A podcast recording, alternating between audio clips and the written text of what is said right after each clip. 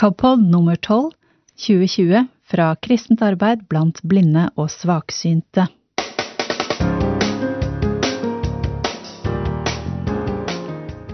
Nå har vi kommet oss inn i studio, og vi som sitter her, det er meg, Kari Undeland, og Hilde Gromstad. Og vi skal prøve å gi dere en hyggelig adventstid her ifra studio. Og det aller første vi skal gjøre, hva er det, Hilde? Vi tenner adventslysa våre. Og i dag kan vi faktisk tenne to lys. Og det har Hilde gjort nå. Og nå skal du få høre hva vi har på programmet i dag. For det første har vi mange julehilsener fra medlemmene våre. Og vi får julehilsen fra styreleder Kjersti Lium og generalsekretær Øyvind Woie. Ja, og vi har jo så mange fine bøker, Kari.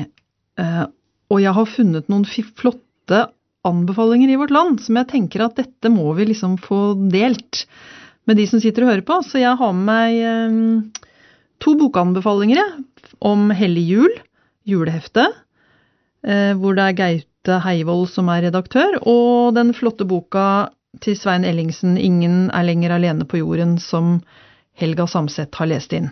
Og det blir veldig bra, for vi skal legge ved hele innlesningen av Hellig jul til slutt i dette programmet. Og videre skal vi høre Asbjørn Gabrielsen som har tanker om tro denne gangen.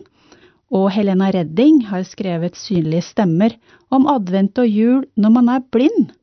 Eh, det krever faktisk en del nærhet. Og du har hilsen fra en person til, Hilde. Ja. Vi har fått en hilsen fra, jeg sier selveste, Helga Samset, hvor hun sier noe om det at vi ikke trenger å være alene. Vi kommer vel ikke utenom at vi må ha med noen uh, julesanger, Kari? Det vil vi gjerne ha. Og vi er jo da så frimodige at vi velger den første sangen. Og det blir jo En stjerne skinner i natt.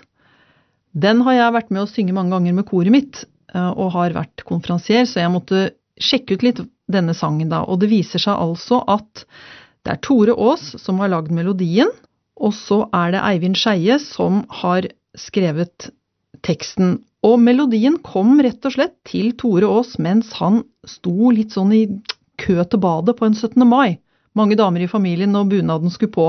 Melodien datt ned, og han fikk sunget inn og sendte det opp til Eivind Skeie, som også begynte å synge denne julesangen, eller teksten, da, på selveste 17. mai. Så selv om det nå er litt sånn, ja, det regner litt ute, og det er liksom ikke helt julestemningen, så kan vi jo fint klare å komme i julestemning nå, når vi får høre den flotte sangen. Og her kommer Oslo Gospelkor med En stjerne skinner i natt.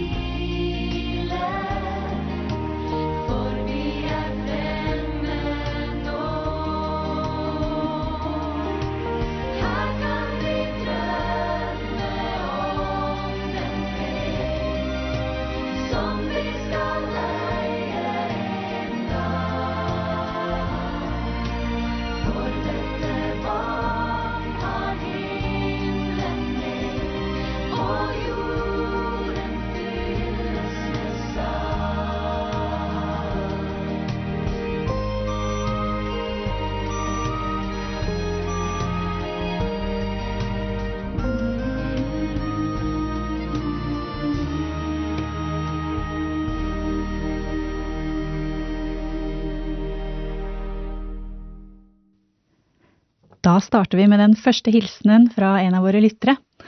Det er Åge Andersen som vil sende en hilsen til Else Lill Julsen.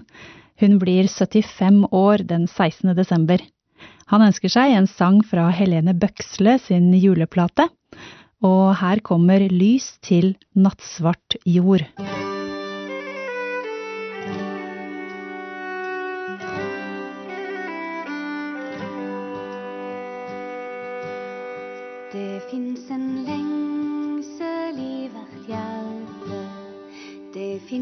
En tone i hvert sinn. Det fins en spire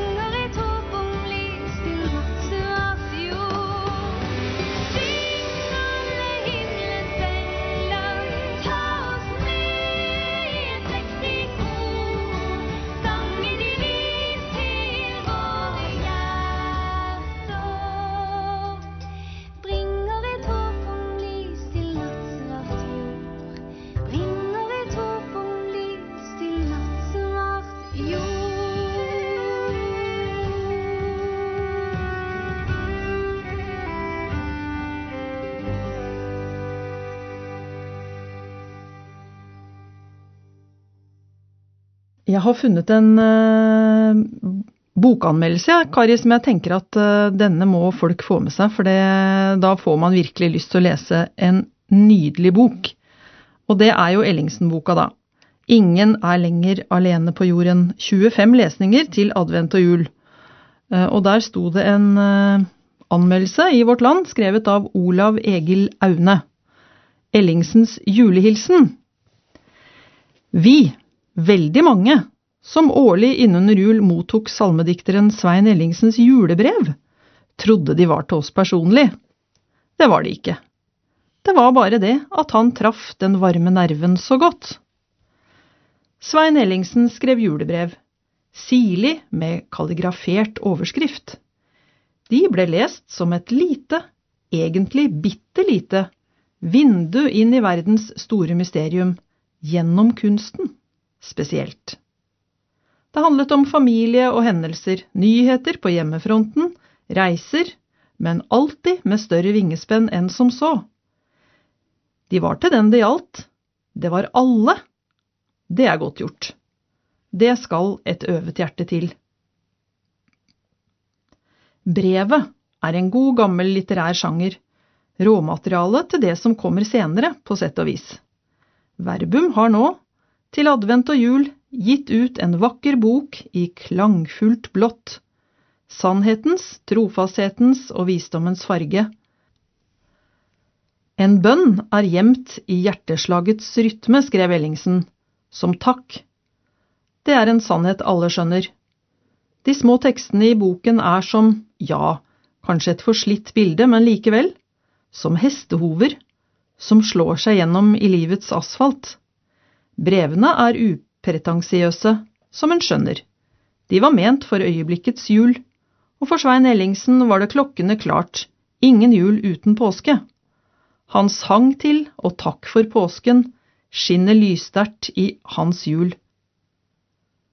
Hver gang den norske liturgiske tiden når fram til punktene døgnets, ukens og årets sirkelgang, aktualiseres Svein Ellingsens salmer på nytt, år etter år, dag etter dag. Salmene er hans våpen mot mismodighet, og de er takk, derfor så angående. Evigheten er sluttens tid. Det er når tiden mister sin slutt. Ellingsen la ikke skjul på sin mørke åre, den ubotelige trangen til å se mørket i hvitøyet. Enhver glede, ethvert lys, har et mørke som bakteppe. Uten er det ikke noe lys. Kriser gir kraft. Akkurat som disse mer eller mindre pretensiøse tekstene gjør det. De er til å tro på og til å leve inntil. De som utsetter seg for dette lille, vakre verket, kan det ikke gå galt med. Takk skal du ha, Hilde, fordi du delte den eh, bokomtalen om eh, Ingen er lenger alene på jorden av Svein Ellingsen. Boka finnes i KABs lydbibliotek på boknummer 803798. Vi hørte at eh, ingen jul uten påske, og vi har et juleønske fra en av våre medlemmer som passer ekstra godt inn her, syns jeg. Så nå tar vi med den før vi skal høre et utdrag av boka. Gunnar Martin Tandberg vil gjerne sende en julehilsen til alle KAB-medlemmer og de som er på KAB-huset, altså staben. Og sangønsket er Deg være ære, og det er en flott sang som passer både til jul og påske.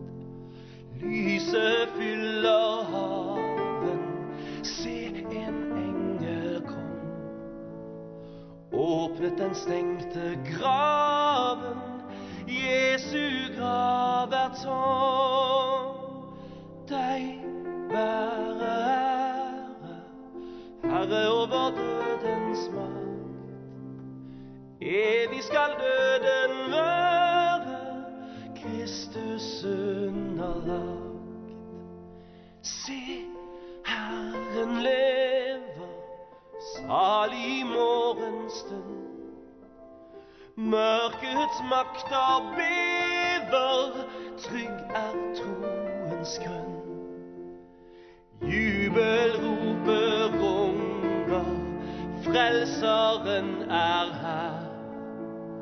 Pris ham alle tunger, Kristus Herre.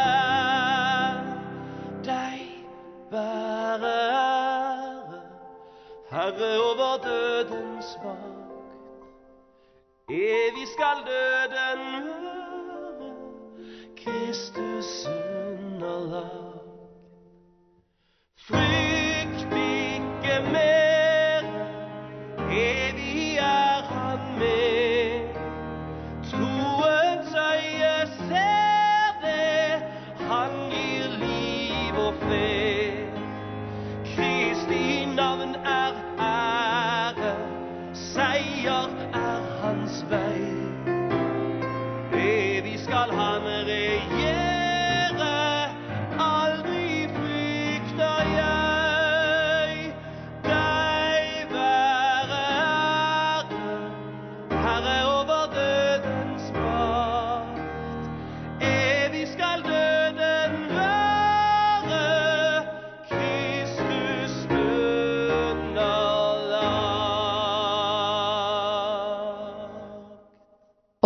Åttende lesning Mørket omkring oss er mørke før daggry. Englene kommer med bud om Guds glede. Midt i vårt mørke er mennesket blant oss. Ingen er lenger alene på jorden.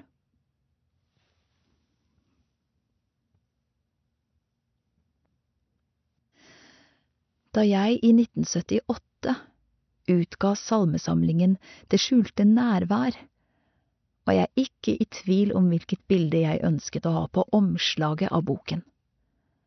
Det kunne ikke være annet enn et foto av en skulptur med det vidunderlige motivet Johannes ved Kristi bryst. Det finnes flere middelalderskulpturer med dette motiv, men det var en bestemt tolkning av motivet jeg ønsket meg, nemlig den skulpturen som er å se i Museum Dahlem i Berlin. Jeg hadde år i forveien sett den med egne øyne, og kunstverket gjorde et overveldende inntrykk på meg. Jeg sto der, i museets skulptursamling, som fjetret foran dette verket. Jeg følte på en måte at tiden sto stille og jeg følte meg i den grad på bølgelengde med kunstneren bak verket at det var som om de 650 år som lå mellom verkets tilblivelse og min opplevelse av det, liksom ble visket bort. De signaler kunstneren en gang i middelalderen sendte ut gjennom sin treskulptur, gikk rett til hjertet på meg og berørte de innerste strenger. Jeg har alltid med meg en notat- og skissebok når jeg er på museumsbesøk, og den dagen skrev jeg i boken. Å kunne nå frem til en slik forklaret enkelhet og inderlighet som dette kunstverket utstråler, må være enhver kristen dikters og kunstners høyeste ønske. Jeg vet ingen verken blant teologer, diktere eller billedkunstnere, som på en så fullkommen måte har fått gi uttrykk for hva kristen tro er, som denne for oss navnløse kunstner. Nei, vi kjenner ikke kunstnerens navn. Vi vet bare at han var fra de sydvestlige områder av Tyskland, det området som kalles Schwaben. Man antar at verket er blitt til omkring 1330, en tid med omfattende epidemier og store prøvelser for befolkningen i hele Europa, også i de tyske stater. Jeg tenkte der jeg sto, kanskje er det en ganske ung kunstner som har frembrakt verket? En kunstner som kanskje har gitt den unge Johannes sine egne ansiktstrekk en kunstner som tross sine unge år fikk nåde til å gi verden dette enestående vitnesbyrd om å overgi sitt liv til Kristus og hvile i fullkommen tillit til ham, tross alle ting som truer oss i verden. Jeg glemte alle de store og mektige skulpturene rundt om i museumssalene, og kunne ikke bevege meg bort fra denne treskulpturen som slett ikke er ruvende hva størrelse angår. Alt var så sterkt og talende, alt så vidunderlig vakkert. Johannesskikkelsen, sovende, men allikevel overgitt til sin herre og mester. Jeg sover, men mitt hjerte våker, som det står i høysangen. Vi ser Johannes hånd i Herrens høyre hånd, og Herrens venstre hånd ømt på disippelens skulder. Og vi legger merke til de bølgende former i klærne som på en så betagende måte forbinder de to figurer, slik at de danner en fullkommen enhet. Noe av det nesten sjokkaktige ved kunstopplevelsen i Berlin var gjenopplevelsen av de følelser jeg selv hadde hatt da jeg knapt tre år i forveien hadde skrevet Noen må våke i verdens natt. Nå fant jeg på en måte hele teksten igjen i dette gripende kunstverket. Kristi øyne er åpne, selv om disippelen er falt i søvn. Herre, du våker i verdens natt. Herre, du bor i mørket. Ja, jeg følte meg så forunderlig beslektet med den unge kunstner, jeg er nesten sikker på at han var ung, som en gang levde og virket ved traktene nær Bodensjøen, og som, for alt det vi vet, kanskje ble revet bort i en av de store epidemiene som rammet befolkningen. Selv under livets tyngste slag er vi hos deg, du vår Gud. Jeg tenkte på at jeg gjennom mine salmeord hadde forsøkt å uttrykke det samme som min ukjente kunstnervenn på 1300-tallet hadde villet si gjennom sitt kunstverk. Litt av det samme.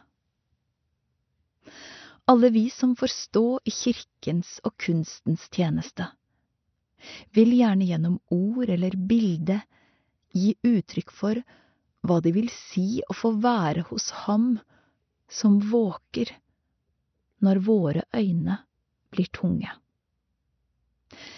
Men jeg tror det er vanskelig å finne en så gripende tolkning av det kristne evangelium som den vi møter i Kristus- og Johannes-skulpturen i Berlin.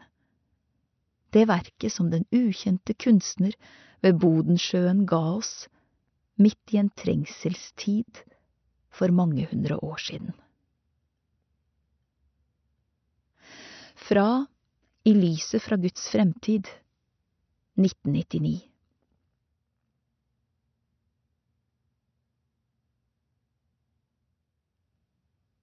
Mørket omkring oss er mørket før daggry.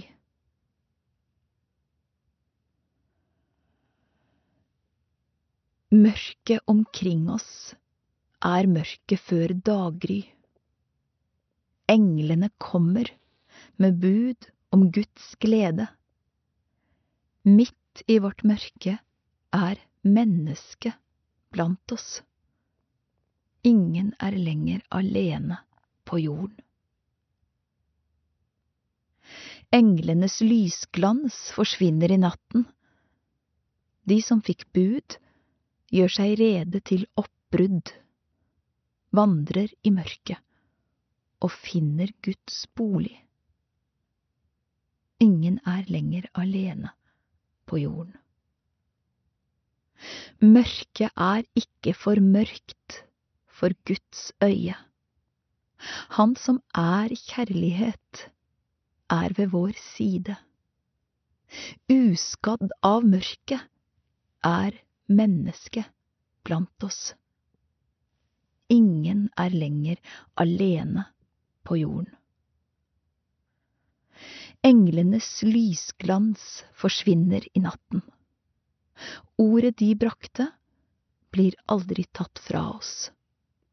Ordet om mennesket, kommet til verden.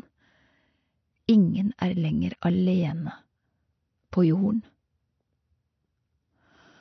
Håpet får gripe det kommende daggry.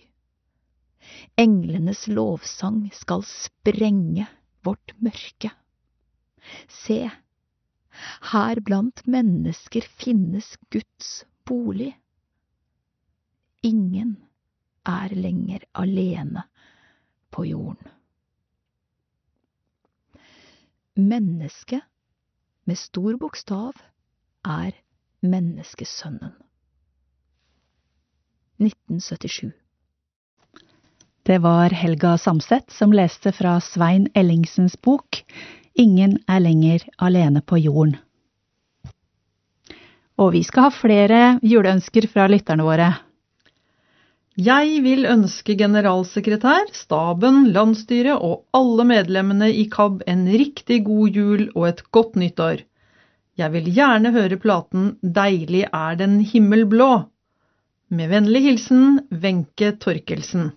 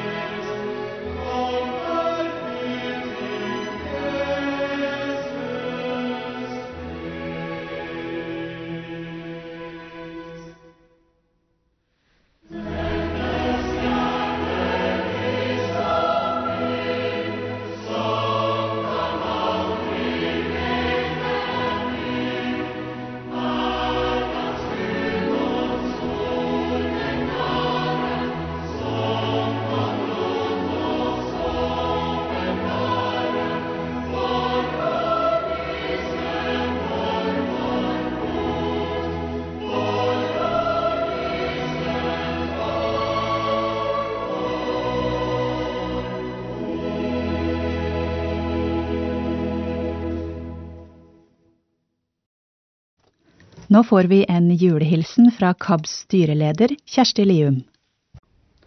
Hei, det er Kjersti her. Og jeg er styreleder i KAB. Og jeg var så heldig at jeg får lov til å komme med en liten julehilsen. Eller adventshilsen er det kanskje. Og nå er vi jo akkurat inne i advent, og det første lyset er tent. Og, og det er så annerledes i år, dere. Jeg syns det er en stille og fredelig adventstid. Eh, Det har vel aldri vært så har aldri hatt så god tid og vært så fredelig rundt oss som denne desembertida. Og så er det ingen som får lov til å dra på julebord, og ingen som får dra så mye på konsert. Og så er vi mer hjemme alle sammen. På en måte så syns jeg det er litt godt. Men det har vært en rar tid i KAB. Det har vært veldig eh, mange ting vi har måttet avlyse. Men jeg syns at staben har gjort en enormt flott jobb. De har jo planlagt masse, fått til masse nettkurs og og veldig fint å høre på vårt land, og vi har hatt masse fint allikevel, selv om vi savner å være sammen. I kirken min der jeg går, i Greåker, så er det åpne gudstjenester, og det er jeg veldig glad for. Akkurat i år så er det ekstra stas å få lov til å gå i kirken, nå når det var advent på søndag. få komme dit og, og være til stede og være en del av menigheten, det har jeg vært veldig glad for. Så tenker jeg at vi blir jo så sugne på å være sammen, da. Så neste gang vi kan møtes, så blir vi ekstra glad for det og setter ekstra mye pris på det. Men vi savner gode klemmer og håndtrykk. Vi savner å være tett sammen. Ja, om vi ikke får være så mye sammen, tenker jeg, så har vi jo masse gode tilbud i KAB, da. Kanskje vi har ekstra god tid til å lese adventsfortellinger og julehistorier sammen og høyt for hverandre. Og jeg håper at alle har noen å være sammen med. Også at vi må bare bruke den tilbudet KAB har og glede oss til neste år. Og håper vi får gjennomført masse sosiale og gode fellesskap da. Da vil jeg få ønske dere alle sammen en riktig god jul. Og så håper jeg vi kan møtes og få et fint nytt 2021, alle sammen. Gunnleik og Elinor Bergerud vil sende en julehilsen til Wenche og Johannes Odden. Vi ønsker dere en fredelig, gledelig jul og takker for alle hyggelige sammenkomster i året som har gått. Vi hilser med sangen Når kjerkeklokka slår, og den synges av vår nevø Levi Bergerud, som har spilt inn den. Og Trygve Skau har oversatt originalsangen, som heter A Fairytale in New York.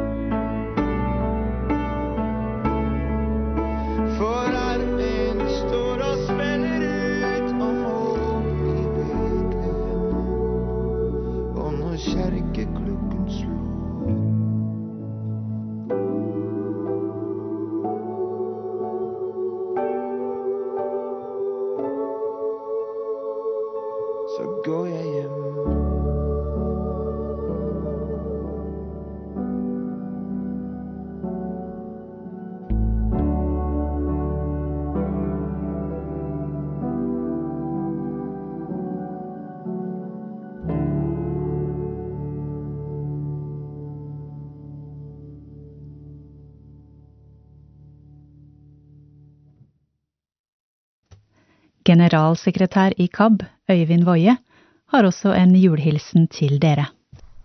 Mitt sterkeste juleminne har jeg fra faren min. Uansett hvor mye idyll og dall som er rundt oss før jul, så kommer jeg stadig vekk tilbake til dette. Jeg tror kanskje det er lukta, lydene og varmen fra de levende dyra som har festa seg så sterkt. Jeg vokste opp på et ikke altfor stort gårdsbruk, som ved å utnytte sine knapt 100 mål med jord og driftsbygninger ga en helt grei inntekt til en familie på sju ved å avle fram grønnsaker og kjøtt til norske menn i hus og hytter. Jeg er privilegert. Det var et paradis på jord, ei boble, ei lita bakkebyggeren med dyr og folk i skjønn forening. Jeg har fått trua fra faren min og tvilen fra mora mi. Faren min kunne bygd den kinesiske mur, mora mi ville aldri trodd at det gikk. De har velsigna meg med en fin balanse av dette, som de har toppet med en positiv og trygg kristentro. Julaften i fjøset var ei hellig stund. Det var en helt spesiell stemning, og vi la vår ære i å gjøre det beste for dyrene. Oksekalvene fikk litt ekstra høy. Storfe fikk en ekstra gaffel med silofôr, og grisungene ble klødd på magen. Rånan fikk en omgang med piassavakosten på ryggen, og hønene fikk en trall og slaktegrisene ei ekstra skuffe med kraftfôr. Det ble strødd ekstra godt med sagflis, og der og da, når dyrelydene smeltet sammen og ble til en lav, trygg dur av pust, stamping, drøvtygging og kløing, så var det som om vi var i stallen, og at Jesus var i fjøset. Jeg er helt sikker på at Jesus er glad i dyr. Han ble jo født i et dyrehus, men ingen hadde strødd eller klødd eller gitt verken okse eller asen en ekstra juleporsjon. Likevel var det det som ble føderommet for verdens frelser. Etter fjøsstellet var det alltid julebad. Mor var allerede ferdig, og vi fem ungene badet etter hverandre. Jeg delte badevann med lillebroren min, og da de tre storesøsknene mine var ferdig badet, da badet far og da var det alltid tomt for varmtvann i varmtvannsberederen. Så fjøslukta blanda seg litt med etterbarberingsvannet han dynket seg med etter det kalde badet. Og så senket julefreden seg. Velsigna du dal over fjorden. Velsigna du lys over land.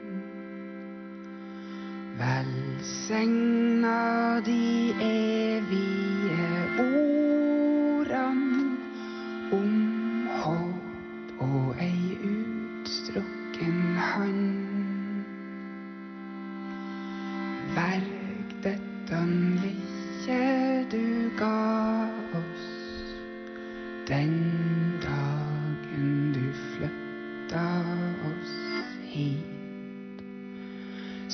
vi veit at du aldri vil latt oss forkomme i armod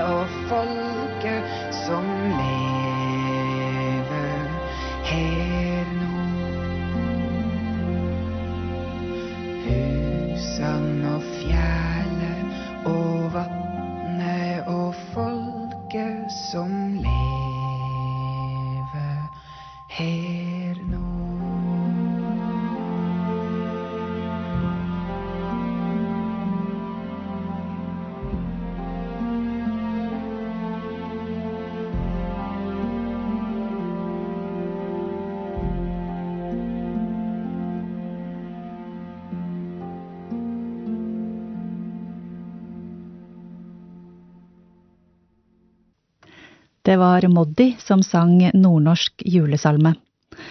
Asbjørn Gabrielsen jobber i Den norske kirke, mye med ungdomsarbeid, og han skal gi oss tanker om tro. Først får vi høre Salme 62, lest fra Bibelen. Salme 62 Til korlederen, etter Jedutun, en salme av David. Bare hos Gud er jeg stille. Fra ham kommer min frelse. Bare han er min klippe og min frelse, og mitt vern. Jeg skal ikke vakle. Hvor lenge kan dere alle gå løs på en mann for å slå ham i hjel? Han er jo en lutende vegg, en nedbrutt mur. De legger planer om å støte ham ned, ned fra hans høyde, de elsker svik. De velsigner med munnen, men forbanner i sitt indre. Sela. Bare hos Gud skal jeg være stille. Fra ham kommer mitt håp. Bare han er min klippe og min frelse, og mitt vern. Jeg skal ikke vakle. Hos Gud er min frelse og min ære, min mektige klippe, min tilflukt er hos Gud. Stol alltid på ham, dere folk. Øs ut deres hjerte for ham. Gud er vår tilflukt. Sela.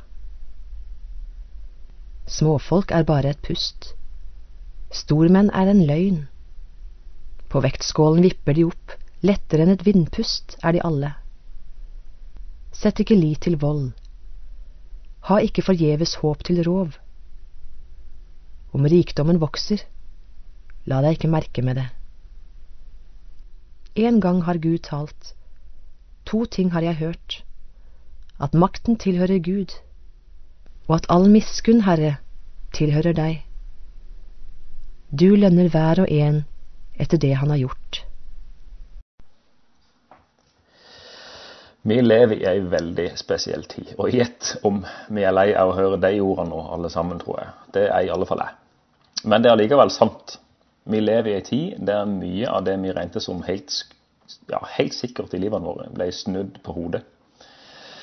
Eh, vi kunne plutselig ikke lenger, i hvert fall mange av oss, gå på jobb sånn som vanlig. Og vi kunne ikke lenger besøke de menneskene vi var vant med å besøke som vanlig. Eh, og mange mennesker faller ut forbi de fem vi kan henge med nå. Eh, takk Gud, da, bokstavelig talt, faktisk, for at vi har podkast, vi har telefoner, vi har nettmøte og vi har Zoom. Det er i alle fall noe. Eh, for mange oppleves det nok nå som at vi faktisk sitter på vent. Det gjør i alle fall det for meg. Vi venter liksom på at ei vaksine skal komme som vi kan komme litt tilbake til normalen, og at det skal redde oss ut av denne situasjonen, rett og slett. Og da er det jo litt vittig, da, syns jeg, at vi er i adventstida.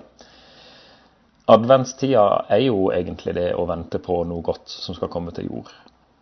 Det er liksom det den symboliserer. Og, og for meg så har det aldri vært lettere å leve meg inn i adventstida. Det må jeg bare innrømme.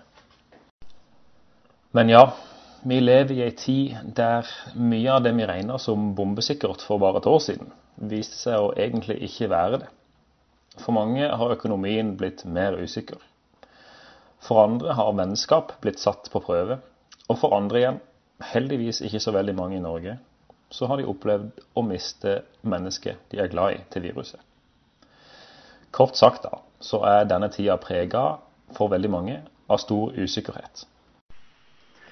Og det er jo da litt passende, da, syns jeg, at det er akkurat det denne salma, altså salme 62, handler om. Nettopp usikkerhet og utrygghet, og åssen man kan møte det.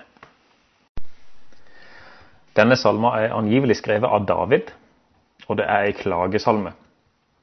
Og Det som er med, med klagesalme, er at ofte så inneholder de faktisk mye glede og takk. Men, men denne gleden og takken kommer på bakgrunn av noe som salmisten da opplever som han syns er utfordrende og vanskelig i livet sitt.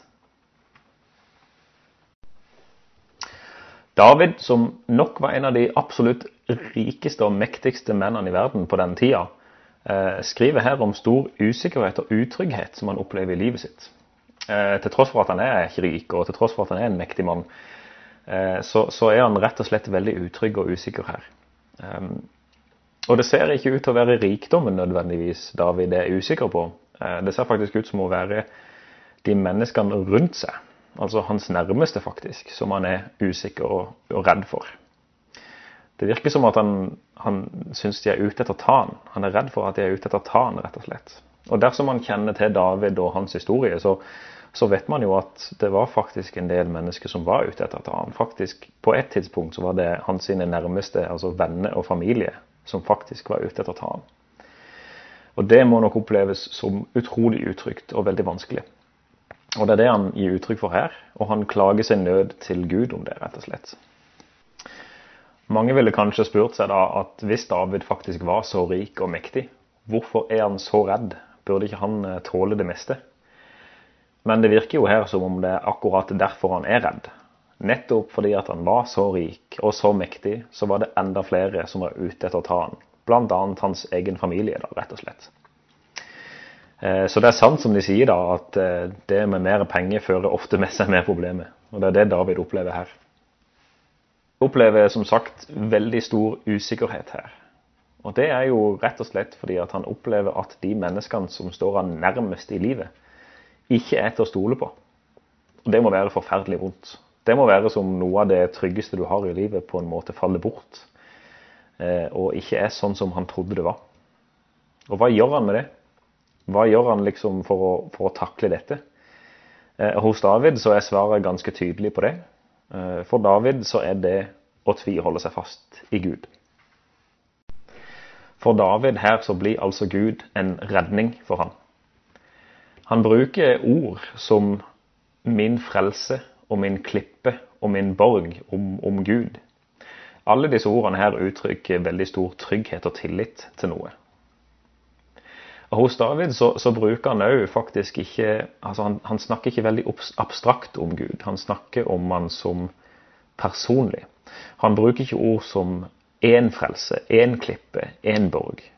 Men han sier om Gud at han er min frelse, min klippe og min borg.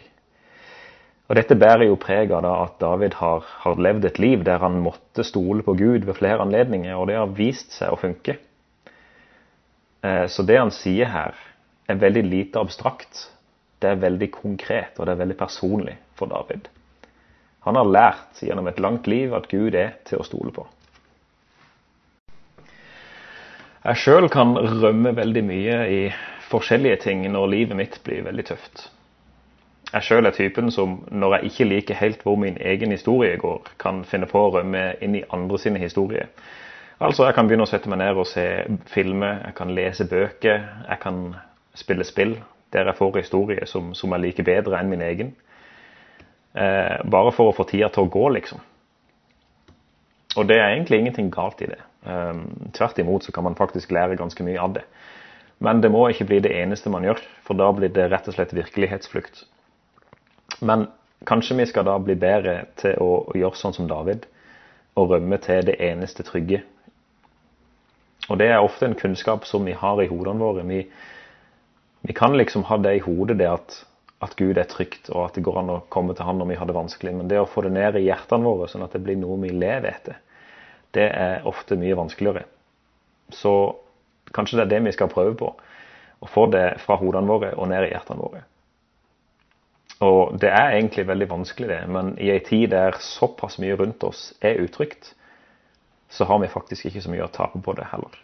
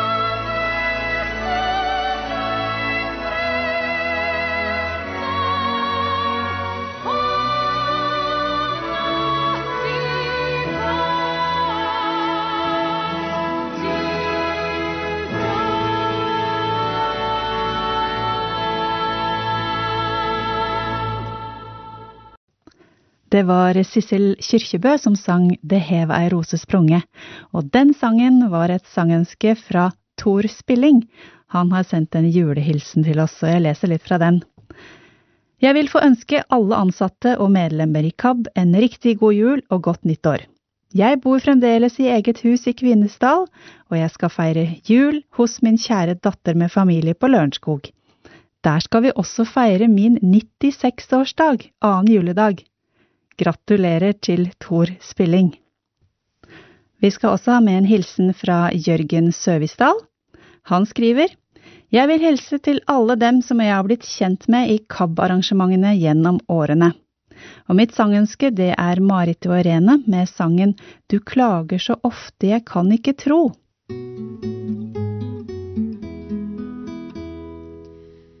Du klager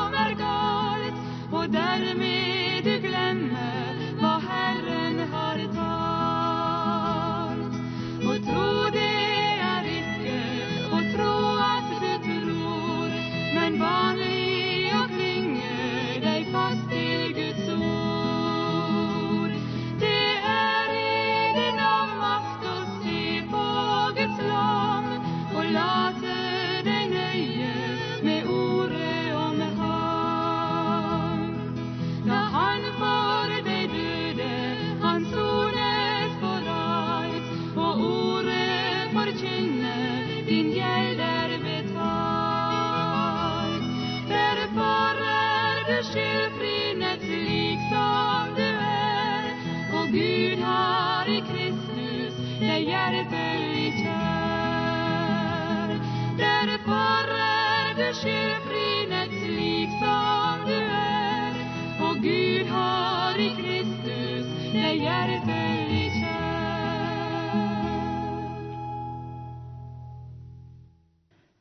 siden du og jeg sitter her og prater litt om jul og KAB og det som er, så tenkte jeg vi burde prøve å dra fram litt hva vi gjør. Du har vært ganske aktiv på nett. Hva er det du holder på med egentlig? Mhm. Det viktigste er jo disse Vi har jo nettmøtene våre annenhver onsdag på kvelden. Men så har jeg jo også lunsj med diakonen, da. Veldig hyggelig. Det er annenhver onsdag klokka ett. Men jeg tenker på, det kan være noen som lytter nå som ikke vet hva et nettmøte er. Åssen fungerer det?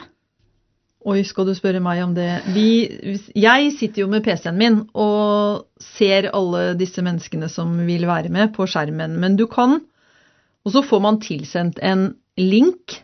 Eh, Den kan du få som SMS, eller du kan få den i en e-post, eller du kan finne den på, på Facebook-sidene våre, Vi som liker KAB eller Tro og tanke. Trykker man på den, og så kommer man inn i et sånt Zoom-møte, da. Men det går også an å bare ringe inn med en helt vanlig telefon. Da, hør, da er man med bare med lyd. Ja, også vi kaller det for åpne nettmøter, og det betyr at hvem som helst kan ringe inn eller klikke på en sånn lenke på PC-en og være med i et sosialt møte og snakke med andre på nett. Ja. Um, er det mange som er med på sånt? Vet du hva? At eh, denne lille lunsjgjengen vokser sakte, men sikkert. Så jeg har jo akkurat hatt et møte nå. Og da var vi ti stykker. eh, Og hadde en kjempefin samtale om, om hvordan det er. Det begynte med at en som, som syntes det var litt ugreit fordi at han merka at nå begynner han å se litt dårligere, sånn at han kjenner ikke igjen folk. Og så å, blitt, u, sånn, blitt litt sånn overlegen, da, vet du. Har jo ikke det. Eh, Og så var det snakk om det å eventuelt begynne å bruke hvit stokk, da. Eh, Så vi hadde en lang og fin samtale om hvordan det på en måte kan være vanskelig for noen, fordi man holder liksom igjen. Eh, Men jeg tror vi, fikk, vi landa liksom noen gode løsninger der. Det er jo veldig fint hvis eh, noen synshemmede kan eh, hjelpe eller eh, dele erfaringer med andre synshemmede. Og vi i KAB vi har jo også det prosjektet Synlige stemmer, og der er det synshemmede som skriver tekster. Og Helena Redding, hun er en av de som er veldig faste skribenter der, da. Og nå skal vi høre en av hennes tekster. Og mm, hun snakker om det å feire jul som blind. Det innebærer en del at eh, nærhet må man ha for å få de gode juleopplevelsene. Og i vår tid nå, i pandemitiden, så kan jo det være rett og slett litt vanskelig.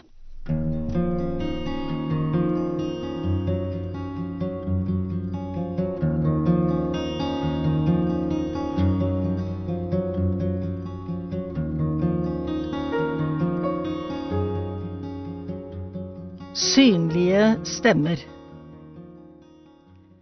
Det meste må skje ved nærhet når jeg ikke kan se. Av Helena Redding. På julaften kjenner jeg alltid på savnet etter synet. Det å kunne se kroppsspråket til forventningsfulle barn når de skal åpne en julegave, ta del i den spontane gleden som familien viser, det synes jeg er like sårt i dag som for 15–20 år siden. Barnebarna vet å forklare med ord når vi prater sammen, og vise meg ting ved å legge de i mine hender, men det er fortsatt et stort savn. Heldigvis har alle saker to sider ved seg, uansett hvordan du snur og vender på dem. Når det gjelder synet, eller skal jeg si mangel av det, så har det noen bitte små fordeler, for det gir en ekstra nærhet. Det meste må skje ved nærhet. Ikke engang lekser kan vises over bordet. Nei, fingeren min må bli ført langs linjene på en barnetegning. Bokstaver tegnes i håndflaten for at jeg skal hjelpe barnet som lærer å lese, og jeg må få lov til å kjenne på den nye frisyren, genseren eller legobilen for å kunne se den. Den nærheten der, den gir meg faktisk noen av de fineste stundene i livet. Helt fra barndom av har advent vært en favorittid på året. Baking og pynting er én ting, men tiden som brukes til å tenke ut og forberede hvordan glede andre, gjør tiden så inderlig meningsfull og givende. På første søndag i advent må julegardiner opp i kjøkkenvinduene. Adventskransen står klar, og adventslys står i vinduet. Selv om jeg ikke har stor glede av lysene lenger, så er det en tradisjon jeg ikke ønsker å være foruten. Det er likevel andre ting som har blitt mye viktigere med åra. Jeg har blitt mye mer opptatt av å gjøre ting som taler mer til andre sanser, som for eksempel å bake, sylte rødkål, lage julepynt med julegran eller koke islandsk hangi-kjøtt. Den julelukta gjør liksom noe med meg. Julebaking er en viktig del av adventstiden. Når mine barn bodde hjemme, var dette en oppgave vi gjorde i fellesskap, hvor alle kunne bruke sine styrker. I dag har jeg bakedager i adventstiden, enten sammen med familien eller en venn. Dette er noe jeg alltid gleder meg til. I koselig selskap, med godt humør og masse julemusikk. Ja, da må det bli en suksess. Julegavehandelen i år har foregått gjennom netthandel, noe som kan være både enkelt og vanskelig. En del nettsider er lite tilgjengelige, og på andre kan produktbeskrivelser være ganske ordfattige eller til og med feil, slik den var med den fleecejakken som i virkeligheten var en joggedress. Det er likevel et savn, slik som det nok er for mange andre, å ikke kunne traske rundt fra butikk til butikk i fellesskap med noen i familien. Det å kunne se på ting med fingrene, få følelsen av størrelser og materialer, det forteller så mye mer enn en muntlig beskrivelse. Adventstiden er en tid full av gode tanker og løfter. Vandringen, både i hode og hjerte, starter når vi tenner det første lyset. Ettersom dagene blir kortere og mørkere, tenner vi flere lys som skaper varme, glede og forventninger til det største lyset som skal komme. Jeg håper vi alle kan tenne lys denne adventstiden, ikke bare tradisjonelle lys av voks, men lys som kan gi håp, glede og tro til andre som kanskje ikke har det så godt. Det er mange som sitter alene der ute, som bærer på sorg, er bekymret eller er syke. La oss alle være et lite lys for noen. God advent.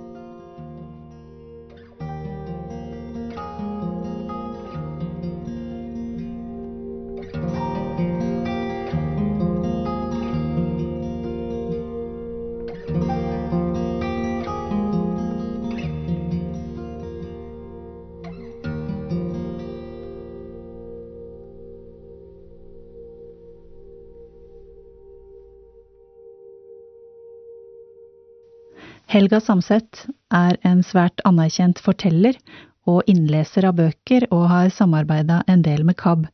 Hun har lest inn Det nye testamentet på nynorsk i høst, og det er også hun som har lest inn boka til Svein Ellingsen, Ingen er lenger alene på jorden. Og her gir hun oss en hilsen hvordan det var å lese inn nettopp den boka.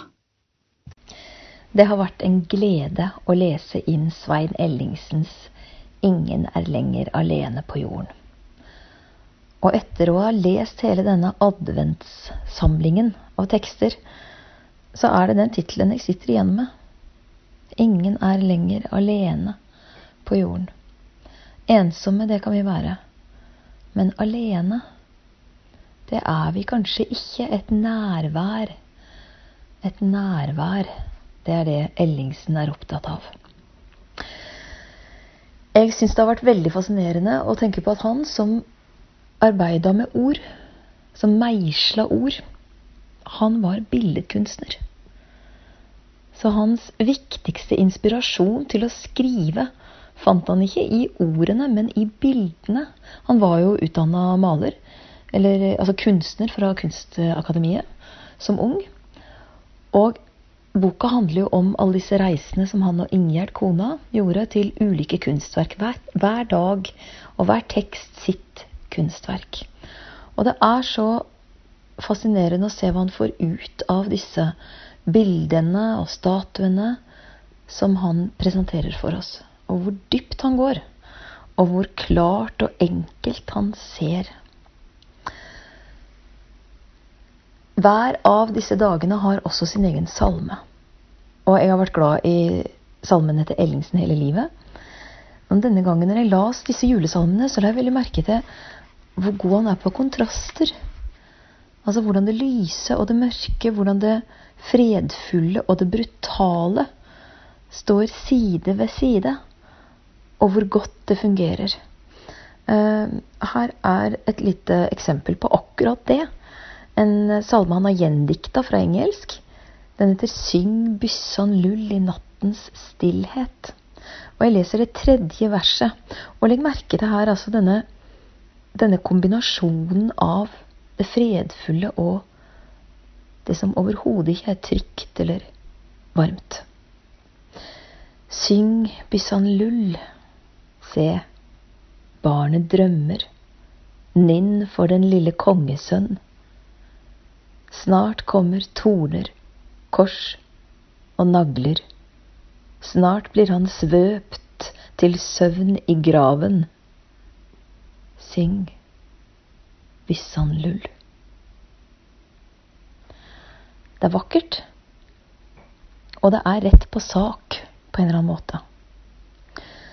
Det er identifikasjonen med det svake mennesket. Kom i hu at vi er støv, og likevel at vi er Guds verk, altså Guds henders verk. Denne dobbeltheten her, og hvor, hvilken ømhet han har for det skakkjørte mennesket. Han har, Jeg husker ikke hvilken av tekstene det er, men han snakker jo, prøver å bli kjent liksom med kunstneren bak verket. Og veldig ofte så er jo det en som har levd i middelalderen en gang, så det er så lite de veit om de. Men så er det en av disse kunstnerne hvor han sier at vi vet nesten ingenting om denne kunstneren. Men eh, det er blitt fortalt at han hadde et, et mørkt og vanskelig sinn. Uh, og da, sier Svein Ellingsen, kjente vel han kanskje mer enn de andre til nåden i livet sitt.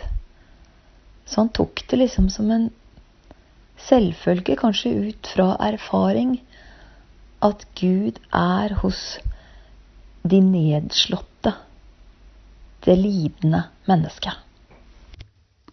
Vi har én julehilsen til, og den er fra Robert Adolfsen.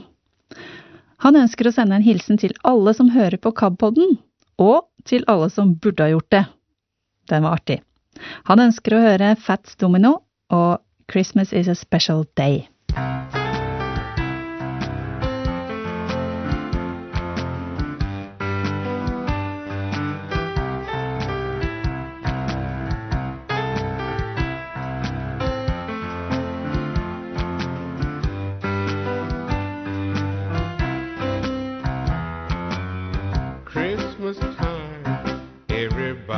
thing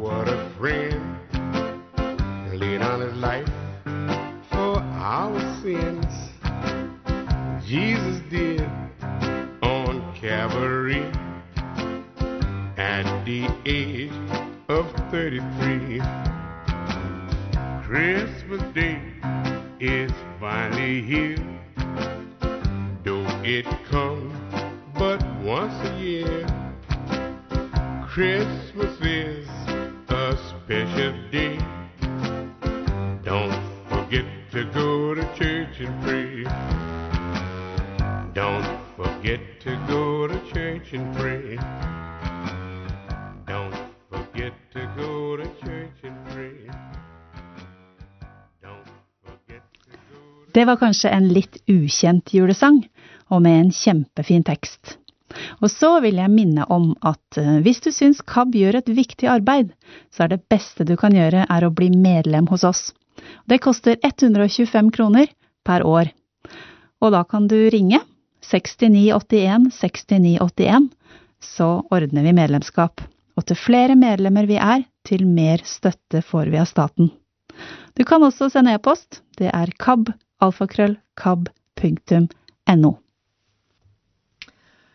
Ja, jeg sitter jo her, eh, Kari, med det fantastisk fine adventsjuleheftet fra vårt land, Hellig jul, hvor det er Gaute Heivold som har vært redaktør, og så fant jeg et intervju i avisa da, veit du, med selveste redaktøren som jeg tenkte jeg skulle lese for deg.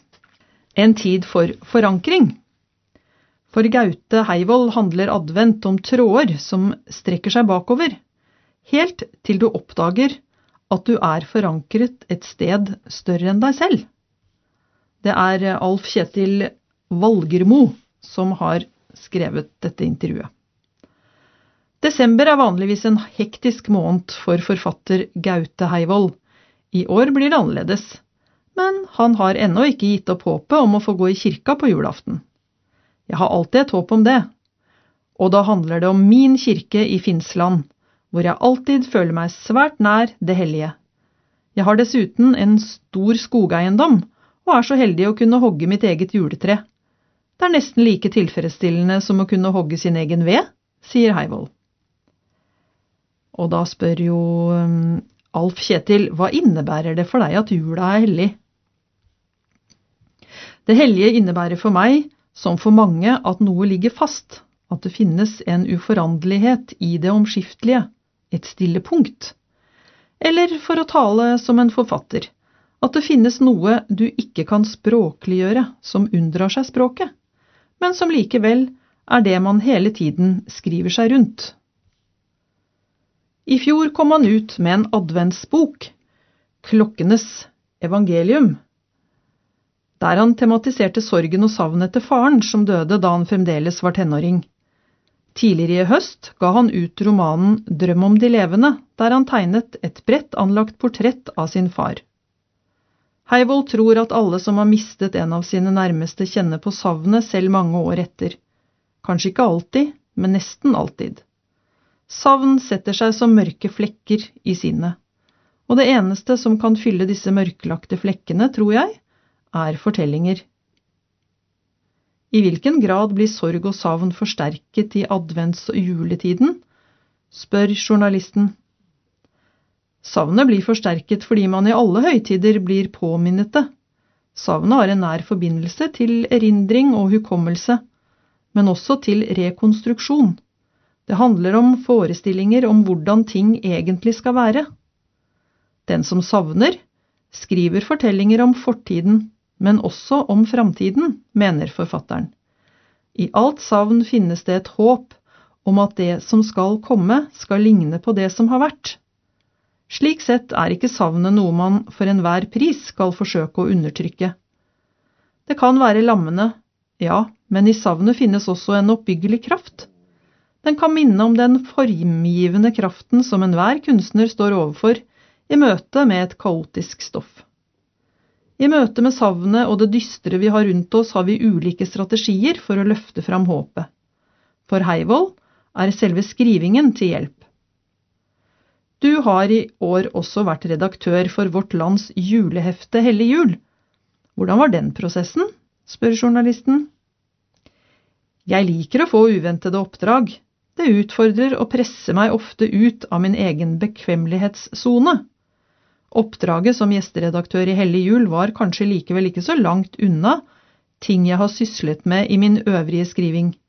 Slekters gang, som er et slags tematisk omdreiningspunkt i årets utgave, kunne like gjerne vært et av omdreiningspunktene i mitt eget forfatterskap, sier Heivold.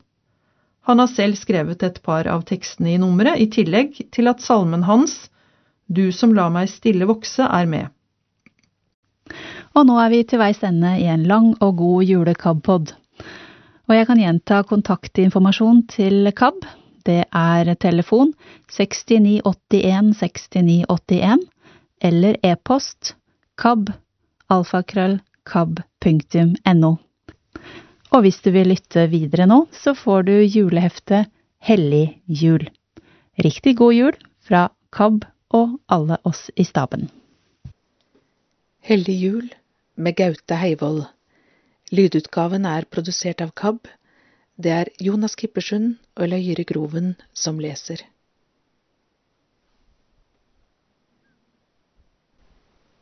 Bidragsytere Gaute Heivold, forfatter av en lang rekke bøker, både romaner og barnebøker. Han har mottatt flere priser, blant annet Brageprisen for romanen Før jeg brenner ned, som også ble filmatisert. Foruten å være årets gjesteredaktør i Hellig jul, er Heivold aktuell med den kritikerroste romanen Drøm om de levende, tiden 2020. Lea Maria Lauritzen Andresen, skoleelev og tegner. Olav Egil Aune, tidligere kulturredaktør og kommentator i Vårt Land. Forfatter og journalist. En av redaktørene av og initiativtaker til Hellig jul. Erlend Berge, fotojournalist. Håkon Berge, komponist, dirigent, arrangør og musikkadministrator. Simon Flem Devold, 1929–2015, musiker, journalist og forfatter som skrev om og for barn. Han fikk både Fritt Ord-honnør og Hans Majestet Kongens fortjenestemedalje i gull. Trond Skar Dokka, professor i teologi og forfatter. Ostedokka, forlegger i Vårt Land Forlag, kommentator og teolog. Aktuell med boken Leve vanskeligere, Verbum 2020. En av redaktørene av Hellig jul. Akin Dusakin, illustratør og barnebokforfatter. Svein Ellingsen, 1929 2020, billedkunstner og salmedikter. Torvald Eriksen, 1868 til 1939, norsk maler. Giotto di Bondone, 1267 til 1337. Italiensk maler, billedhugger og arkitekt. NFS Grundtvig 1783 til 1872. Dansk teolog og salmedikter.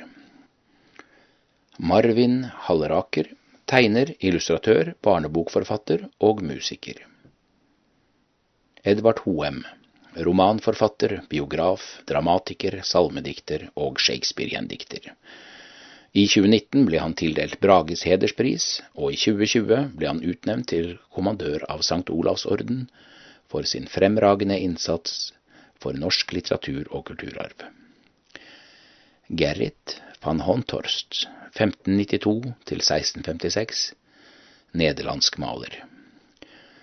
B.S. Ingemann, 1789 til 1862, dansk salmedikter. Kåre Espolin Jonsson, 1907 til 1994, billedkunstner og illustratør. Elin Krogedal, forlegger i Vårt Land Forlag, en av redaktørene av Hellig Jul. Solveig Leithaug, artist og låtskriver fra Frekkhaug, nå bosatt i Nashville i USA. Maud Lervik, fotojournalist. Jon Josdal, 1903–1974. Visedikter, novelleforfatter, musiker og sjømann. Ester Moe, sjefredaktør i Suldalsposten. Edvard Munch, 1863–1944. en av Norges mest kjente og viktigste kunstnere. Bodil Nordjordet, statsstipendiat, matkulturverner og kokebokforfatter fra Telemark. Matambassadør for tradisjonsmat i både inn- og utland. Magnus Osnes, grafisk designer og illustratør. Har tegnet mange av illustrasjonene og vignettene i årets Hellige jul. Rusty Peters 1935 til 2020. Aboriginsk kunstner av Gia-folket. Rembrandt van Rijn 1606 1669 Nederlandsk kunstmaler. Rainer Maria Rilke 1875 1926 Tysk lyriker og oversetter. Geir Thomas Risaasen kunsthistoriker, sakprosaforfatter og konservator ved Norsk Folkemuseum. Christina Georgina Rossetti, 1830 til 1894. Britisk dikter som skrev romantiske og åndelige dikt, også barnedikt. Dante Gabrielle Rossetti, 1828–1882, Britisk maler, poet, oversetter og illustratør. Alf Simensen, fotojournalist. Hans Ivar Stordal, oversetter og redaktør. En av redaktørene av Hellig jul. Ole Robert Sunde, forfatter og lyriker med et langt virke i litteraturen. Han har blitt hedret med flere utmerkelser, annet P2-lytternes romanpris i 2017. Lars Petter Sveen, forfatter av en rekke kritikerroste romaner, annet Guds barn 2014, aktuell med boka Nordriket, Aschehoug 2020. David Sviland, journalist i Vårt Land. Vera Sæther, forfatter og psykolog. Sæther har utgitt en rekke romaner, dikt og tekstsamlinger. Thomas Thies Evensen, professor dr. Philos emiratus ved Arkitektur- og designhøgskolen i Oslo. Reidun Torhol, kunstmaler, tegner og illustratør. Alf Kjetil Valgermo, forfatter, ofte med barn og unge som lesere. Journalist i Vårt Land, aktuell med boka Bibelens kvinner, historiene som forma verda, Samlaget 2020. Gustav Wenzel, 1859–1927, norsk maler. Bibeltekster er hentet fra Bibelen 2011 fra Det Norske Bibelselskap. Gjengitt med tillatelse. Slekters gang forord. Det er en tid for alt, for plutselig glede på åpne sletter, for kjellerrom med sorg på små glass. Det er en tid for uforstilt lykke, for latter, for hender som holder seg fast, og brått slipper. Det er en tid for alt, for barnefødsler og kirkeklokker, for hvitkløver i vinden, for kjærtegn i det skjulte. Det er en tid for alt. For svik, for hat, for hevn. Det er en tid for stumme spørsmål, for skrikende svar, for stille fugleflokker i trærne. Det er en tid for alt, for profetier og pandemier, for stille protest og uforstand satt i system. Det er en tid for sammenraste hus, for skjult forræderi og forrykte statsledere, for traktater og manifester der røyken driver fra det skrevne ord. Det er en tid for alt, for fattig trøst og skjør forsoning, for stillheten i gamle hender. Det er en tid for forventning, for frelse og forløsning, en tid for håp.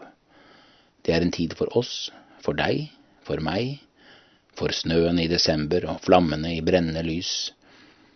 Det er en tid for dem vi har rundt oss, de som lever og de som har levd, for alle vi ikke må miste. Det er en tid for undring og indre jubel. Det er en tid for å stanse opp og kjenne den uventede nåden vi ikke har fortjent. Gaute Heivold, Olav Egil Aune, Hans Ivar Stordal, Elin Krogedal, Åsta Dokka. Og Jakob ble far til Josef, Marias mann. Av henne ble Jesus født, han som kalles Kristus. Matteus 1, 16. Det ligger til familien. Andakt. Vi kjenner alle juleevangeliet. Lukas sin fortelling om Maria og Josef, reisen til Betlehem, krybben og gjeterne. De fleste har lest den høystemte Johannes-prologen om ordet som tok bolig blant menneskene, og mange av oss nikker gjenkjennende til Jesajas ord om den underfulle rådgiveren og fredsfyrsten, barnet som er oss født. Men så er det en julefortelling som få av oss har et forhold til. Den står på første side i Det nye testamentet og begynner med første vers i første kapittel hos Matteus. Det er Jesu ettertavle. Matteus regner opp alle leddene mellom Abraham og David, 14 ledd. Alle fra David til eksilet i Babylon, 14 ledd. Og alle fra Babylon til Josef. Matteus sier det er 14 ledd, men han nevner kun 13. Lista er full av fremmedartede navn som Rehabeam og Hesron og Akim. Kanskje de første leserne fikk noe ut av navnene, i dag har få av dem noen assosiasjoner for oss. 41 navn. Det er der Matteus begynner sin historie. Sier man dem høyt for seg selv, er det nesten som en meditativ resitasjon. Asa fikk Josjafat, Josjafat fikk Joram, Joram fikk Ussia. Det er rytmisk og mystisk. Hvorfor begynner Matteus her? Hvorfor er han ivrig etter å knytte Jesus til Abraham, David og eksilet i Babylon? Svaret er at Matteus først og fremst skrev sin Jesusfortelling til en jødisk leserskare. Han ville vise at Jesus var den lovede Messias, den som jødene ventet på, en konge i Davids slekt. Derfor er hele evangeliet fullt av referanser til jødenes hellige skrifter. Der Jesus i Lukasevangeliet holder sin store tale på en slette, skjer talen hos Matteus på et berg. Bergprekenen gjør Jesus til den nye Moses på fjellet. Den siste generasjonen hos Matteus lander hos Josef. Og Jakob ble far til Josef, Marias mann. Av henne ble Jesus født, han som kalles Kristus. Josef, mannen som giftet seg med Maria til tross for at hun var gravid med et barn som ikke var hans. Josef, som trosset sine egnes og samfunnets konvensjoner ved å tre inn i rollen som stefar. Uten ham hadde Jesu oppvekst vært en helt annen. Kanskje han hadde levd som lausunge i fattigdom og fornedrelse. Kanskje hadde han aldri rukket å bli voksen. Josef er mannen som tok ansvaret for Jesus og hans mor, selv om han ikke hadde trengt å gjøre det. At Josef ikke var Jesu kjødelige far, er faktisk kun nevnt hos Matteus og Lukas. Og siden en jomfrufødsel er et oppsiktsvekkende fenomen, fant man blant de tidlige kristne antagelig både tro på jomfrufødsel og tro på naturlig unnfangelse. En slik parallell forståelse er ikke ulik situasjonen blant dagens kristne. Men poenget med jomfrufødselen er hva den forteller oss. At Jesus ikke biologisk var i slekt med Abraham og David, står ikke i veien for et dypere slektskap. Og om Jesus eventuelt var sønn av en mann, står det ikke i veien for at han var Guds sønn. Uansett hvordan man ser spørsmålet om farskap, spiller Josef en avgjørende rolle i Jesu liv, og dermed for kristendommen. I den apostoliske trosbekjennelsen sier vi at Jesus ble unnfanget ved Den hellige ånd, født av jomfru Maria. Hvorfor legger Matteus så stor vekt på Josefs biologiske tilknytning bakover, når han ikke har biologisk tilknytning til Jesus? Det er kanskje verdt å kikke på lista med navn en gang til, for den skiller seg ut fra andre ættetavler i Det gamle og Det nye testamentet. Matteus nevner nemlig ikke bare fedre og sønner, han nevner også fem kvinner. Tamar, Rahab, Ruth, Urias kone og Maria Jesu mor. Har disse kvinnene noe til felles? Ikke egentlig. Men tre eller fire av dem skeiet ut seksuelt, og iallfall to av dem var ikke jøder. Matteus kunne ha valgt å kun nevne menn. Han kunne valgt noen av de trygge og høyverdige jødiske formødrene, men ved å legge inn akkurat disse kvinneskjebnene er det som han sier, vent dere noe uventet. Midt i lista over hederlige menn og trygg jødisk tradisjon smetter han inn det irregulære uglesettet. Midt i kongerekka står utenforskapet. For Jesus er både jødenes konge og en som er utenfor. Utenfor ekteskapet, utenfor i Galilea, fornedret og utstøtt i sin korsdød. Han bærer tradisjonen. Dere har hørt det er sagt, og han bryter med den. Men jeg sier dere, han er det hederligste mennesket, og han må lide den uhederligste død. Matteus sier, Se etter uregelmessighetene, legg merke til stebarna, bonusforeldrene, de underlige kvinnene, de utstøtte. Finn bruddet midt i kontinuiteten, skurret i mønsteret. De barna som har blitt til på feil måte, kan bære den største frukt. Dette er ettertavlen til Jesus Kristus, Davids sønn og Abrahams sønn. Abraham fikk sønnen Isak, Isak fikk Jakob. Jakob fikk Juda og brødrene hans. Juda fikk sønnene Peres og Sera med Tamar. Peres fikk Hesron. Hesron fikk Aram. Aram fikk Aminadab. Aminadab fikk Nashon. Nashon fikk Salma. Salma fikk sønnen Boas med Rahab. Boas fikk sønnen Obed med Ruth. Obed fikk Isai, og Isai ble far til kong David. David fikk sønnen Salomo med Urias kone. Salomo fikk Rehabeam. Rehabeam fikk Abia. Abia fikk Asa. Asa fikk Josjafat. Josjafat fikk Joram. Joram fikk Ussia. Ussia fikk Jotam. Jotam fikk Ahas. Ahas fikk Hiskia. Hiskia fikk Manasse. Manasse fikk Amon. Amon fikk Josja og Josia ble far til Jojakin og brødrene hans på den tiden da folket ble bortført til Babylon.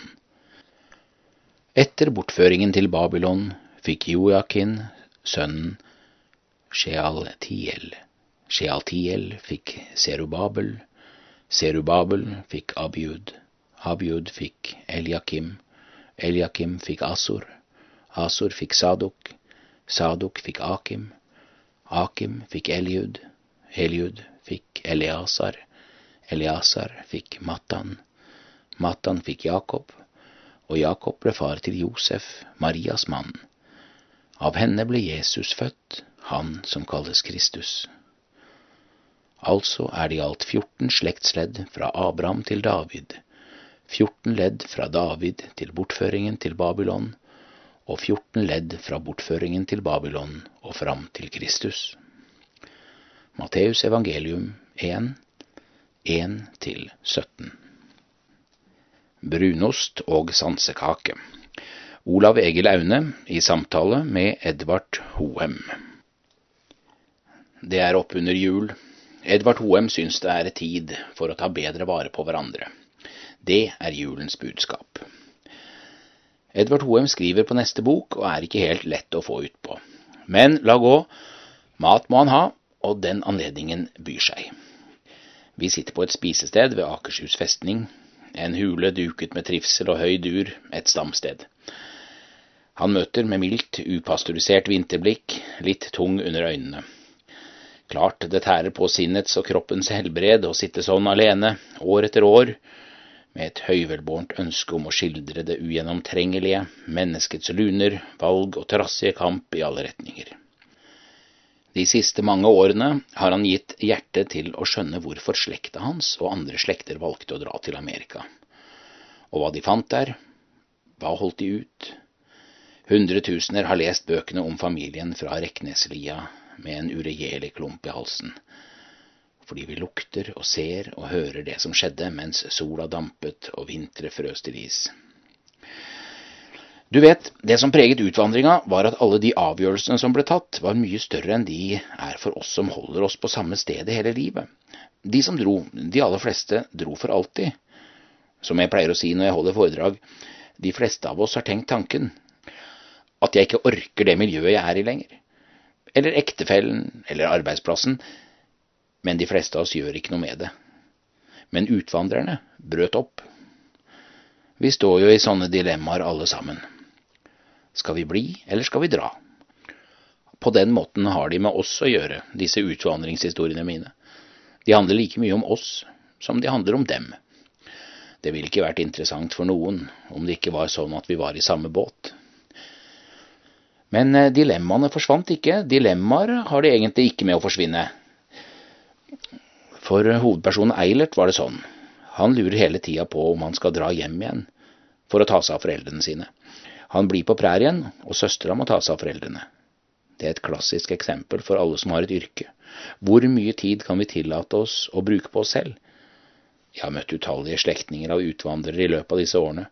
De forteller om sår, lengsler og savn. Men de er sterke. Amerikabøkene dine, de forteller den store historien om mennesker som rev opp røttene sine og dro for å finne lykken. Levende mennesker trer ut av fortellingene og lever. Noen lykkes, andre ikke. Varmen du har for dem, alle de forskjellige personlighetene, rusker i oss, og midt i står kirkene som en hukommelse om samhold og noe som nærer. Du skal huske at de som reiste til Amerika, var fattige. Mange av dem var haugianere som hadde fått ideen om at det fantes et bedre liv i et annet sted. Så i mitt tilfelle, min egen grandonkel Eilert, som jeg skriver mye om, han var ikke omvendt da han dro, men han ble det i Amerika. Og resten av livet levde han i det. Han bygde kirke, forkynte, reiste rundt.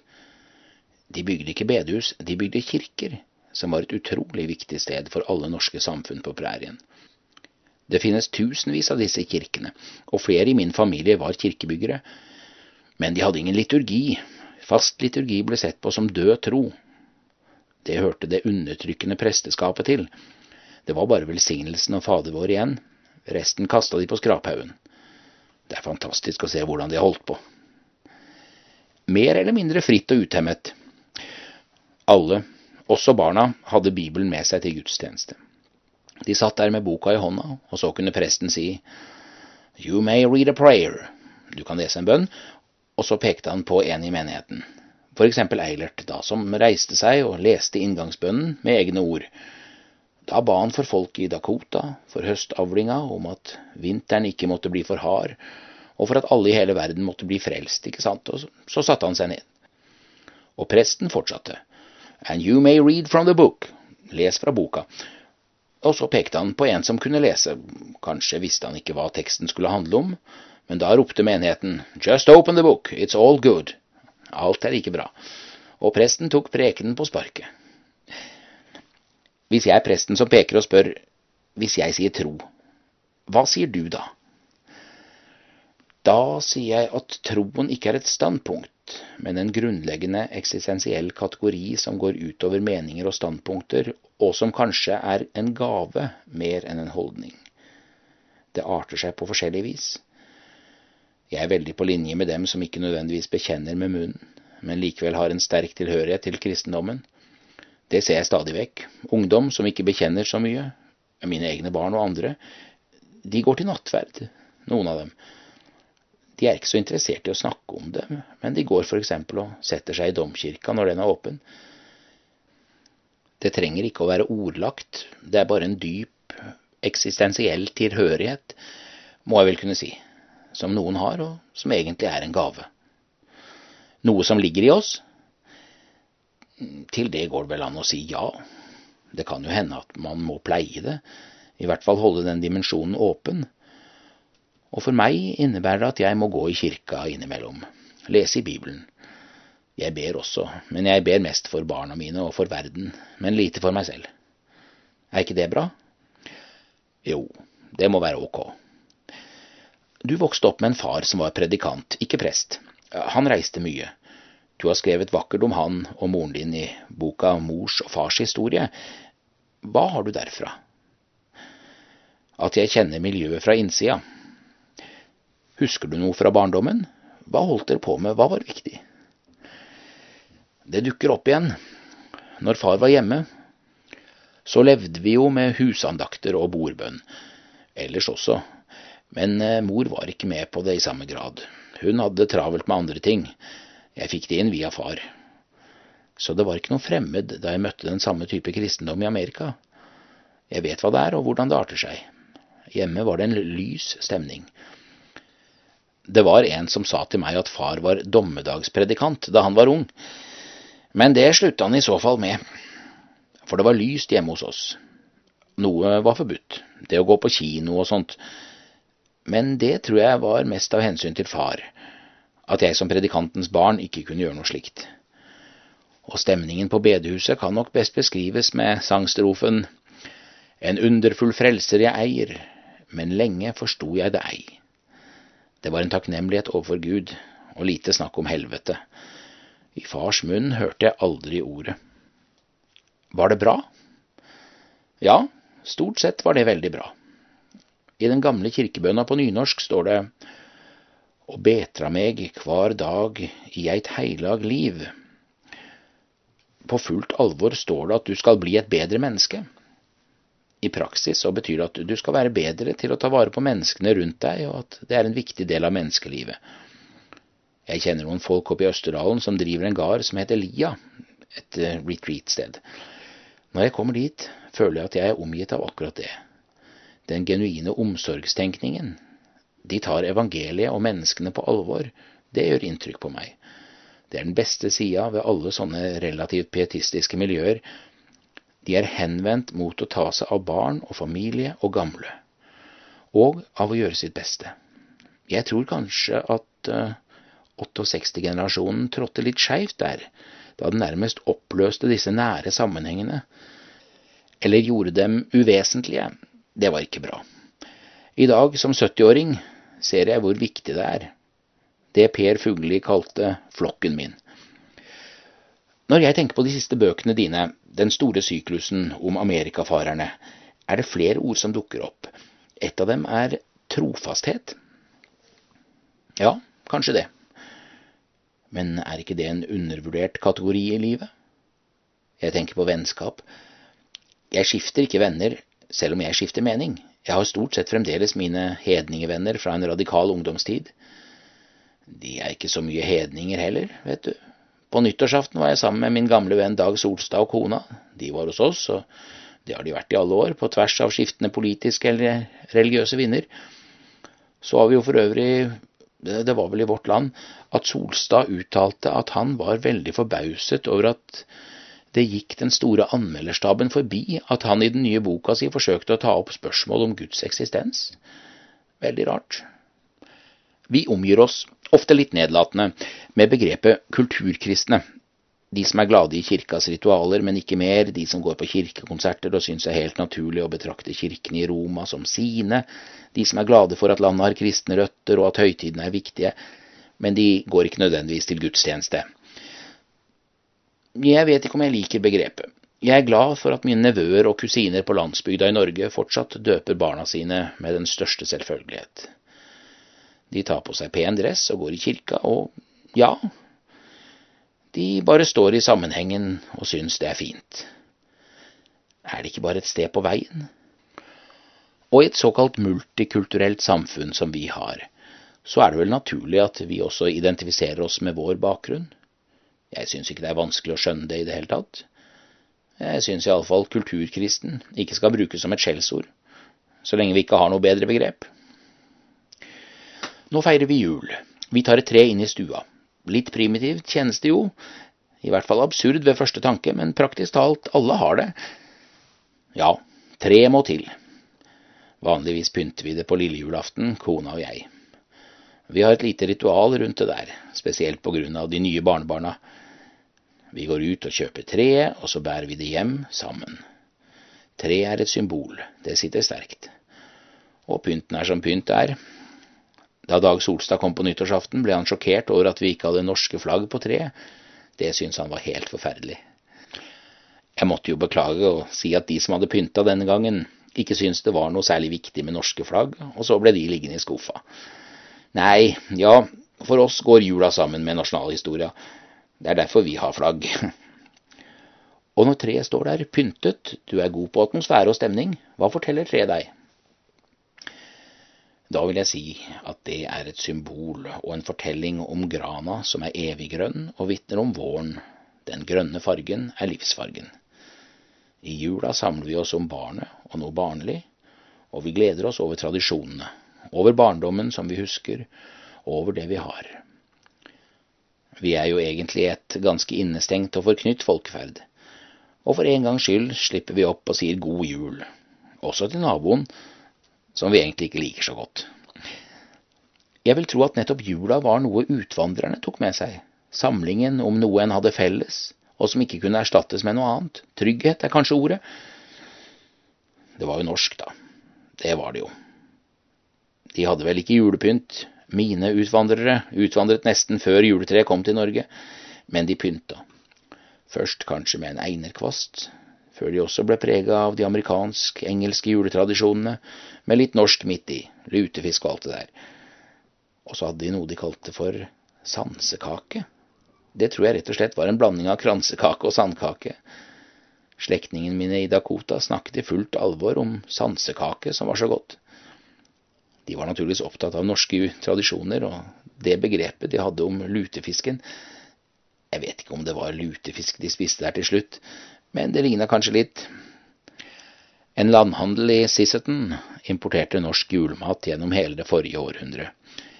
Det er jo sånn, jo lenger du kommer unna, desto viktigere blir slike ting. Din barndoms jul, er den langt, langt unna? Nei, men særlig husker jeg tida før jul. Da skulle det være spartansk. Det var som regel brunost og knapt nok det, og så skulle det bygge seg opp mot jul. Når vi nå spiser ribbe og lutefisk nærmest hele november og desember, tenker jeg dette ville vært fullstendig fremmed i min barndom. Jeg reagerer fremdeles på det. Jeg syns ikke det er noe særlig, så det prøver jeg å unngå. Jeg liker disse puritanske trekkene som har med en eller annen vag idé om klima og gjenbruk å gjøre, noe den veien, uten at jeg tror det virker så veldig inn på verdenssituasjonen.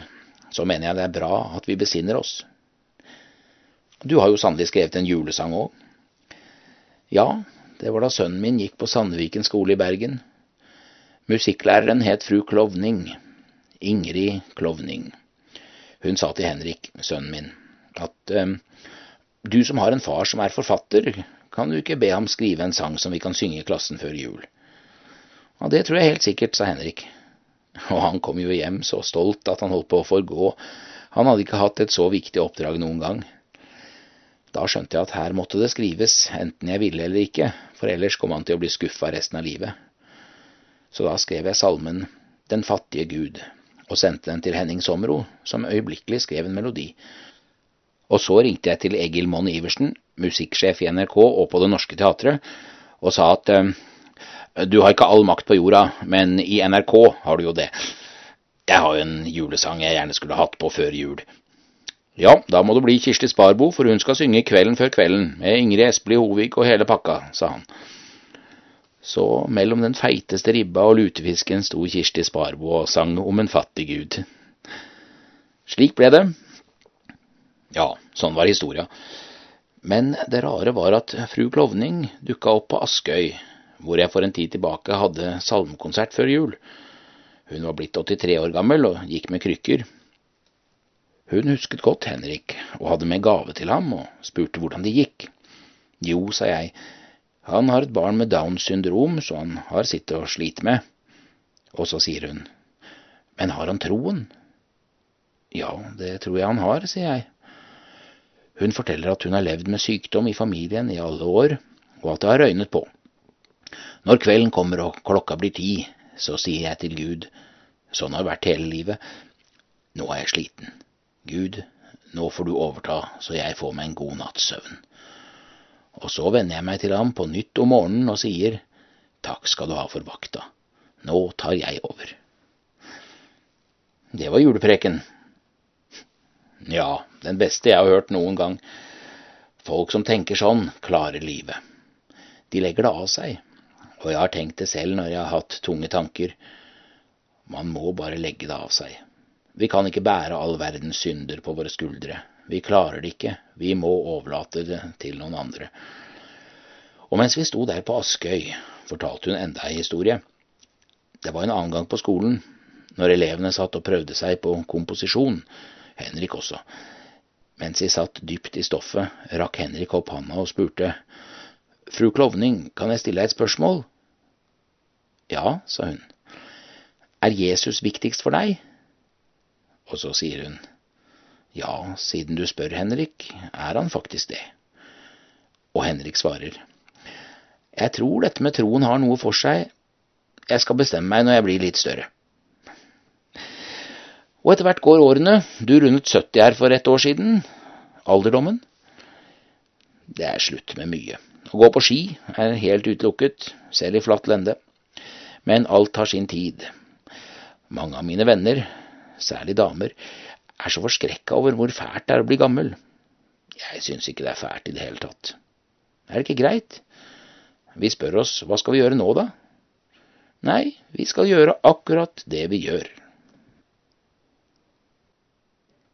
God jul og godt nyttår.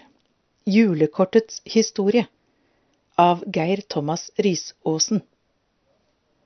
De fem ordene i overskriften er fortsatt den vanligste hilsen på norske julekort. Enkelte av oss husker en tid da antall ord på julekortet bestemte hvor mye en måtte betale i porto. Mer enn fem ord, høyere porto. I dag er det vekten som bestemmer, men de fem magiske ordene god jul og godt nyttår henger igjen. Julegaver og julekort er beslektede fenomener. Julegavene ble en realitet som følge av at juletreet gradvis vant innpass i norske hjem fra midten av 1800-tallet. Julekortet ble vanlig som følge av moderne postgang og innføring av frimerker.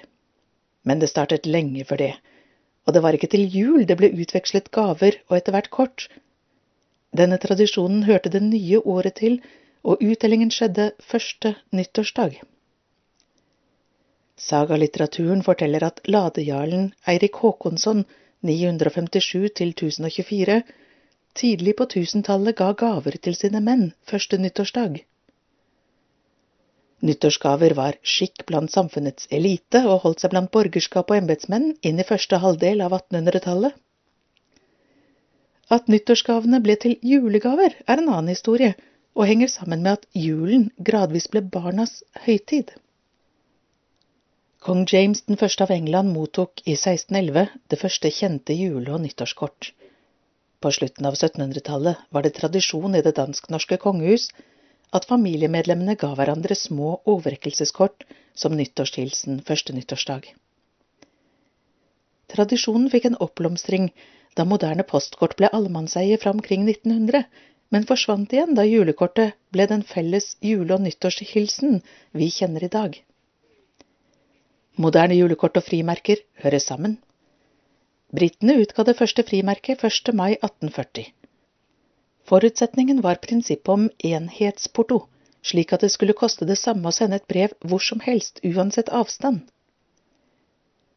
Verdien av frimerket var én penny, og ettersom dronning Victorias profil var trykt på sort bunn, ble det raskt kjent under navnet One Penny Black.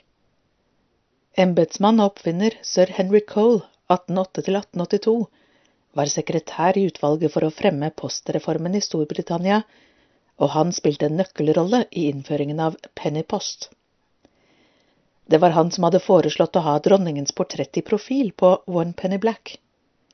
Cole inntok dessuten en sentral rolle i planleggingen og gjennomføringen av den første verdensutstillingen i London i 1851, og sørget for at overskuddet fra utstillingen ble brukt til opprettelsen av Victoria and Albert Museum. Hans enorme virkefelt skapte mange kontakter. En utfordring var alle de brev og hilsener han mottok etter at postmengden hadde eksplodert med innførselen av Penny Post. Det gjorde ikke saken bedre at det ble ansett som svært uhøflig ikke å svare på post en mottok. For å forenkle julehilsen kontaktet han i 1843 maleren John Calcott Horsley 1817–1903, som fikk i oppdrag å formgi et julekort etter Coles egen idé. Motivet er tredelt, der hovedmotivet i midten viser tre generasjoner som alle hever vinglasset til hilsen. På hver side står et mindre bilde som viser de gavmilde, som hjelper fattige med mat og klær. Kortet ble trykt i tusen eksemplarer. Slik ble verdens første kommersielle julekort tilpasset frimerke skapt. Valg av motiv vakte imidlertid sterke reaksjoner hos enkelte. I industrialiseringens Storbritannia var avholdsbevegelsen i fremmarsj, og motivet, der selv de små barna løftet sine vinglass til skål, vakte anstøt. Coles idé om et ferdigtrykket julekort frankert med frimerke ble raskt kopiert av flere, og har siden vært en stor og verdensomspennende suksess. I USA og Tyskland begynte de å masseprodusere julekort i 1870-årene. De første danskproduserte julekortene kom omkring 1880, med en nisse som motiv.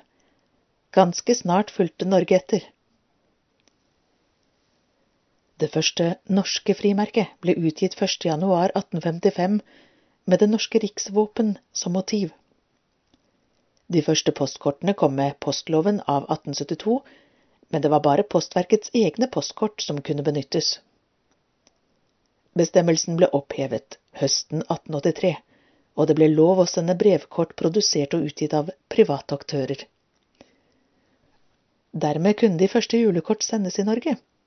Disse ble så populære at allerede i 1885 måtte Kristiania postkontor sette inn ekstramannskaper for å avvikle juleposten. Omkring 1910 sendte så godt som alle julekort, fattige som rike. Julekortets storhetstid var tiåret 1920 til 1930. Svært få julekort fra før 1900 har motiver som innfrir vår forestilling om jul. Det skyldes at den moderne julen ennå ikke hadde tatt form, og at mange elementer som vi forbinder med julen, ennå ikke var etablert. Til gjengjeld bidro julekortet til å spre nye tradisjoner, noe juletreet er eksempel på. Det første juletreet i Norge omtales i 1822, men tradisjonen ble ikke allemannseie før omkring 1930. Julekortet var antageligvis en viktig spreder av den nye tradisjonen, der juletreet var et vanlig motiv fra omkring 1910. I mengden av julekort har motivene som formidler julens kristne budskap, alltid vært i mindretall. De fleste motivene før som nå formidler den verdslige julen. Det er storgårder i vinterlandskap, snødekte hus, kornnek, fugler som kjøttmeis og dompap, foruten grisen som symbol på fest og julemat. Men hovedmotivet på norske og nordiske julekort er nissen. Han var motiv på det første danskproduserte julekortet, og her hjemme har han vært en kjær gjenganger helt fra våre tidligste julekort. Fra å være en følgesvenn og hjelper året igjennom, har nissen gjennom julekort og andre illustrasjoner blitt knyttet primært til jul og julegaver. Et tilsynelatende uskyldig julekort kan brukes politisk. I årene etter unionsoppløsningen i 1905 gjaldt å vise nasjonalt sinnelag ved å sende julekort med norske flagg og vår nye kongefamilie. Med krigsutbruddet 9. april 1940 ble Norge okkupert av tyske styrker. Lojalitet mot kongehus, det norske flagg og feiring av nasjonaldagen ble forbudt, men nissen var fortsatt blant de vanligste motivene på norske julekort. Forbudet mot røde toppluer ble innført 26. februar 1942, ettersom rød topplue ble betraktet som antitysk propaganda. Toppluer ble inndratt, og var barna under 14 år, så ble straffansvaret lagt på foreldrene. Derfor ble også julekort med nisser som bar røde toppluer, konfiskert av okkupasjonsmakten. Noen illustratører tilpasset seg forbudet, mens andre fortsatte å utfordre tyskerne. Resultatet var julekort med nisseluer i gult, grønt og blått, som alle slapp igjennom sensuren. Kunstnere og illustratører som Kjell Aukrust, Benny Motsfeldt, Christian Kittelsen, Vigdis Rojan, Ulf Aas og Torbjørn Egner trosset forbudet og fortsatte å lage kort der nissene bar røde toppluer. Torbjørn Egners kort ble utgitt i 1942 og var nesten utsolgt før nazistene rakk å beslaglegge dem. Vigdis Rojan måtte derimot stille til forhør på Victoria terrasse etter å ha illustrert et kort der nissen tviholder på den røde lua, mens ei kråke, som til forveksling lignet den tyske riksørnen, forsøkte å ta den. Omkring 1900 ble det innført rimeligere porto for å stimulere folk flest til å sende julekort, forutsatt at hilsen ikke var lengre enn fem ord. Dermed ble den vanligste hilsenen God jul og godt nyttår. Så sent som i 1982 var portoen innenfor femordsregelen én krone og ti øre, mens julehilsener med flere ord var 20 øre dyrere. Ordningen ble opphevet 1. januar 1983, og portoen beregnes i dag etter vekt. Selv i vår digitale tidsalder har den frankerte julehilsen vist seg levedyktig. Så sent som i 2017 beregnet Posten antall sendte julekort her til lands til mellom 10 og 13 millioner.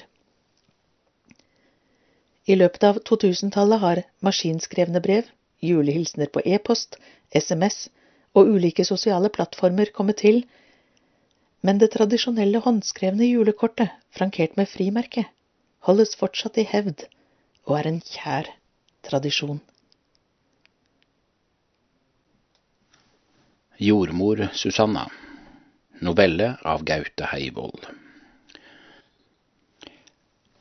Jordmor Susanna fødte om natten den 4. februar 1907. Det var hennes fjerde barn. Selv hadde hun tatt imot nesten 300, alle skrevet inn i ministerialboken. Fødselen forløp normalt. Riene gikk som glødende plogjern gjennom henne. De rev henne opp. Hun famlet etter noe å holde seg i og slik gikk det til. Det var en gutt. Susanna bøyde seg fram og la gutten på sin egen mage mens han fremdeles hang fast i henne. Det gikk noen sekunder, så skrek han. Og hun hadde visst det hele tiden. Hun hadde visst at det skulle bli en gutt.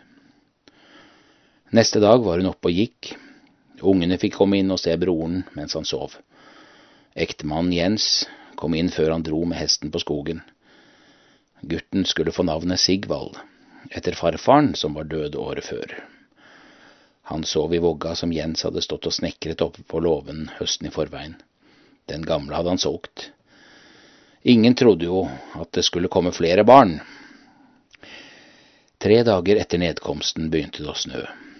Himmel og jord sto i kok, gjennom vindusglassene lignet snøen myldrende støv under en svak lampe. Gutten våknet om natten, men ble rolig straks hun la ham til brystet. Hun lå og så på ham i halvmørket. Øynene hans var nye, samtidig gamle, som om de hadde sett verden før og visste hvordan alt var. Ministerialboken er for øvrig inndelt i sju kapitler som spenner over hele livsløpet. Den ble oppbevart i det brannsikre skapet hos sognepresten på Bjelland prestegård. Kapittel A omhandler levende fødte. Som regel rapporterte Susanna fødslene selv. Det hendte hun fikk skyss til prestegården. Om vinteren gikk hun på ski, eller fikk sitte på med en tømmerslede som suste stille gjennom snøtung skog. Det var hun som rapporterte, og sognepresten som skrev barna inn. Skriften er stadig skiftende, steil, slyngende, til tider svært vakker. Også de dødfødte er skrevet inn. De dødfødte står i kapittel E. Det er funnet plass til alle. Med Sigvald var det annerledes. Hun fikk ikke rapportert som hun pleide. Hun kom seg ikke av gårde. Snøen ga seg ikke, alle veier snødde igjen. Jens skuffet en smal sti bort til åna, hakket seg gjennom isen og bar det iskalde vannet inn på kjøkkenet. Hun badet gutten ved kakkelovnen mens det mørknet. Han var så lett. Han hadde vært ingenting, og så hadde det formet seg et menneske inni henne, som var han, gutten hennes, Sigvald. Han så på henne. Hun sa små ord til ham mens hendene hans gled i korte rykk gjennom vannet. Det gikk tolv dager uten at hun rapporterte. Den trettende dagen banket på døra. Det var i sjutida om kvelden. På trappa sto en ung gutt. Det var Jakob Eldalen. Jakob var Margarets eldste sønn. Det var sin mor han kom for.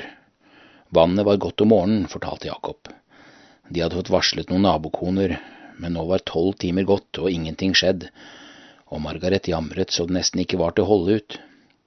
Man var redd for både Margaret og barnet, men også for Knut, barnefaren, han som var nervesvak og tålte lite.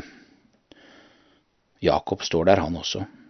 Han er skrevet inn i ministerialbokens kapittel A i året 1893. Susanne hadde tatt imot Jakob Eldalen for 14 år siden. Nå sto han foran henne og ba for sin mor, men Susanne kunne ikke bare dra. Hun var ennå medtatt etter sin egen nedkomst.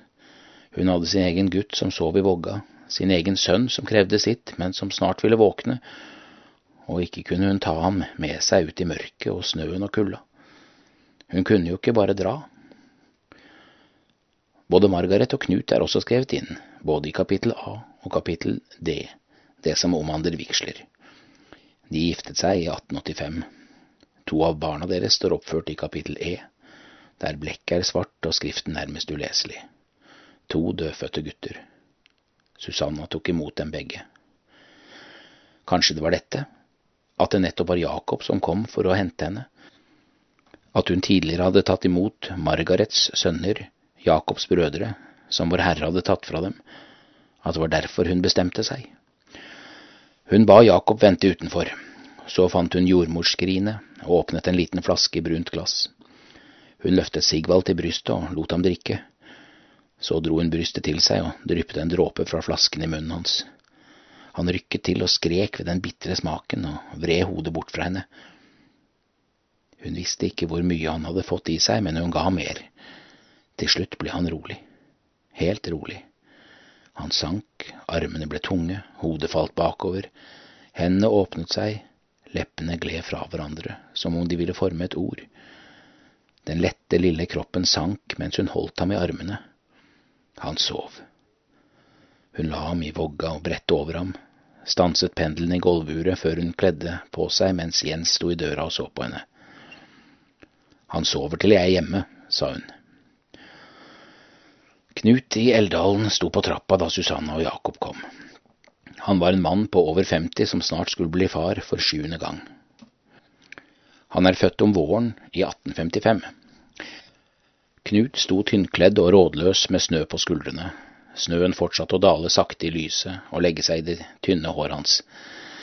Velsigne deg, Susanna, sa han, velsigne deg. Rundt senga hos Margaret sto de fire forskremte døtrene hennes. Susanna sendte den eldste etter varmt vann, de to andre skysset hun av gårde etter mer ved på kjøkkenet.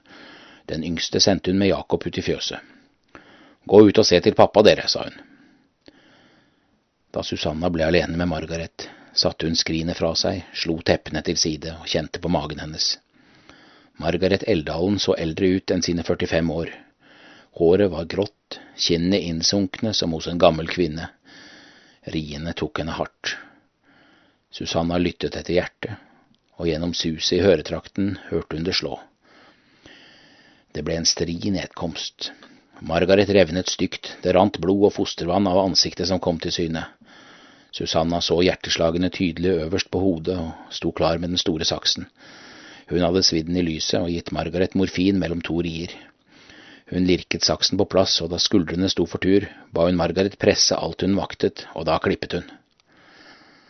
Det var en gutt. Enda en gutt. Snart skrek han. Fostervannet rant fra munnen. Etterbyrden kom som normalt. Margaret jamret mens Susanna sydde seks sting med sølvtråden. Etterpå fikk hun enda mer morfin, og så ble hun stille. Susanna tok gutten med seg ned i varmen på kjøkkenet. Hun vasket bort restene av blod og barnebekk og det hvite fettlaget i nakkefoldene. Hun tørket ham og la en forbinding over såret etter navlestrengen. Til sist svøpte hun gutten i et teppe og strammet godt rundt armer og bein. Hun holdt ham en stund i lyset og tenkte på gutten hennes hjemme, han som ennå ikke var skrevet inn i ministerialboken, han som ennå sov. Lenge sto hun og betraktet ansiktet.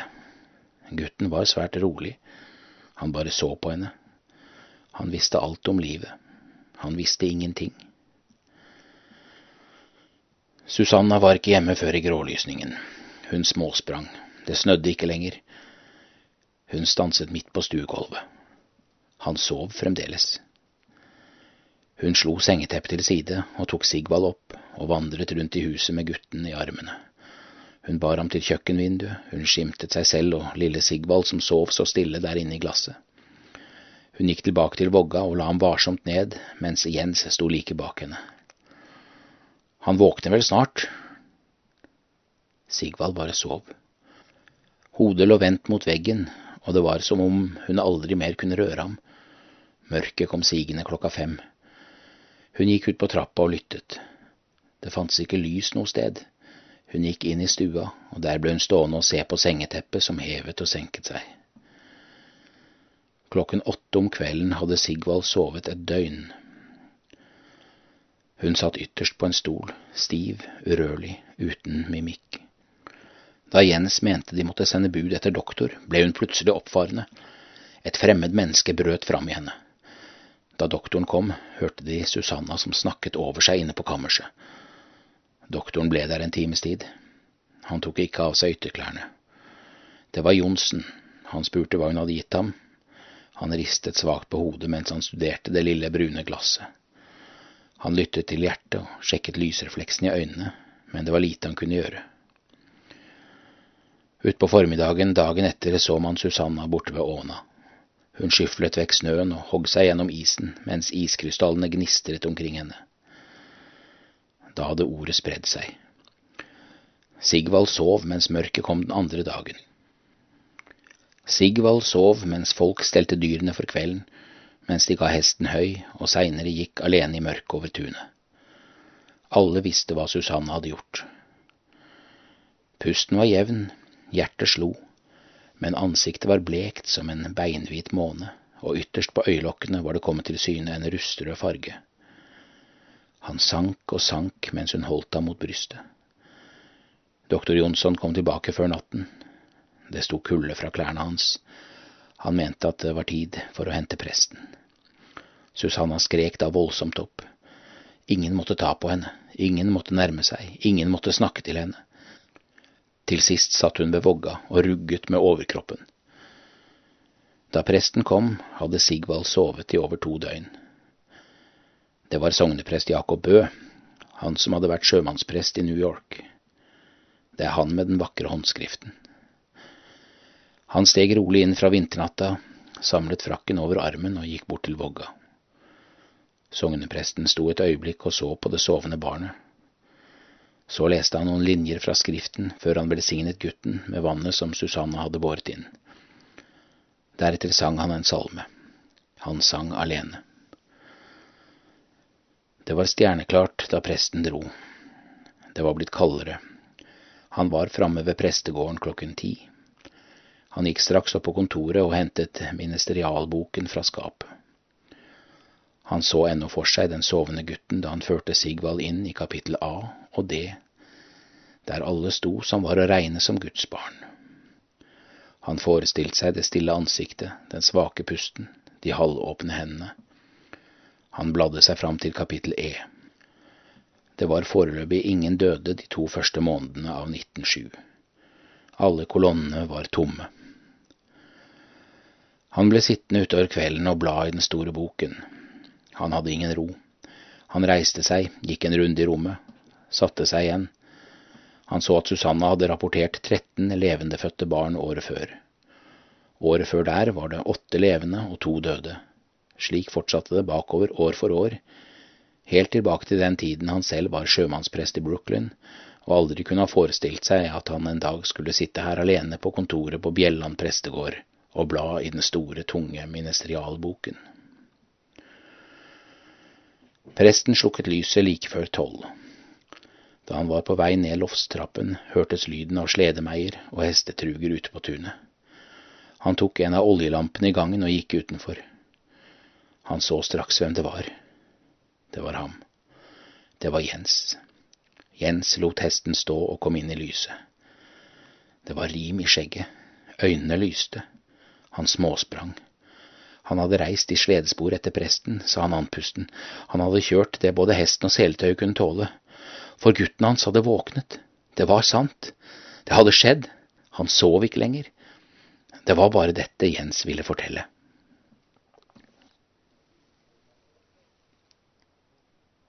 Du som lar meg stille vokse. Tekst av Gaute Heivold, melodi av Håkon Berge. Da skal jeg prøve meg på en gjengivelse av melodien, bare for å ha den på lyd.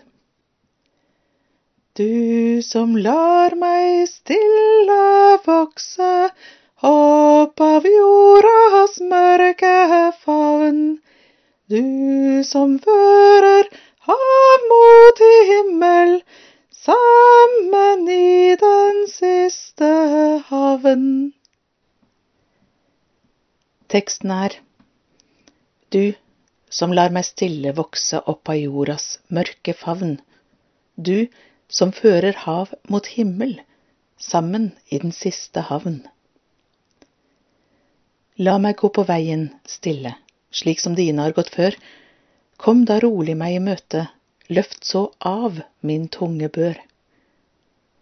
Vær hos meg når mørket kommer, hold mitt øye klart og reint. Legg meg varsomt ned for natten, vær hos meg, det har blitt seint. Millions of Miles av Solveig Leithaug Kjærleiken og gleda sto i døra med kvitt forkle med blonder på. Da med fem søsken og far og mor kom med hest og sluffersled, skinnfell omkring beina og rundt oss. Bjølle på hesten. Huset til bestemor skein av blanke ting, kopper og messing og blondgardiner. Slik skriver mor mi om si bestemor og huset i Uvdal i Numedal, der hun feira mange første juledager. I Eigenheim på Frekkhaug la også mor lista høgt. I førjula trylla hun fram sju sorter. Heimelaga julesylte med nellikspiker og alskens godt. Safta og syltetøy i norgesklasse fylte rad på rad i hyllene i potetkjelleren og varte minst hele vinteren. Hun lot det heller være litt støv for å prioritere at vi alle var hugsa på, store og små, naboer og framande. Til og med fuglene fikk sitt på ei lita fjøl utenfor kjøkkenvinduet. På lille julaften rigga far til juletre ved stovevinduet med utsikt over Salhusfjorden. Så var tre pynta med kuler, tinsel og norske flagg. Jeg mener det meste var kjøpt på femtitallet, da de fire eldre søskna mine var små, men det mest verdifulle for mor var det som var laga av barnehender. Hver jul heime stjal hun og jeg ei lita heilag stund der vi hutra på trappa utenfor stoveveggen og lytta til kyrkjeklokkene fra Salhuskyrkja på andre sida av fjorden, presis klokka fem. Sjølve julemiddagen var første gang da far sette seg ved pianokrakken og stemte i et vers av en julesang som bordvers med sin klassisk trente tenorstemme, og med andre famla oss fram til andre og tredje stemmer.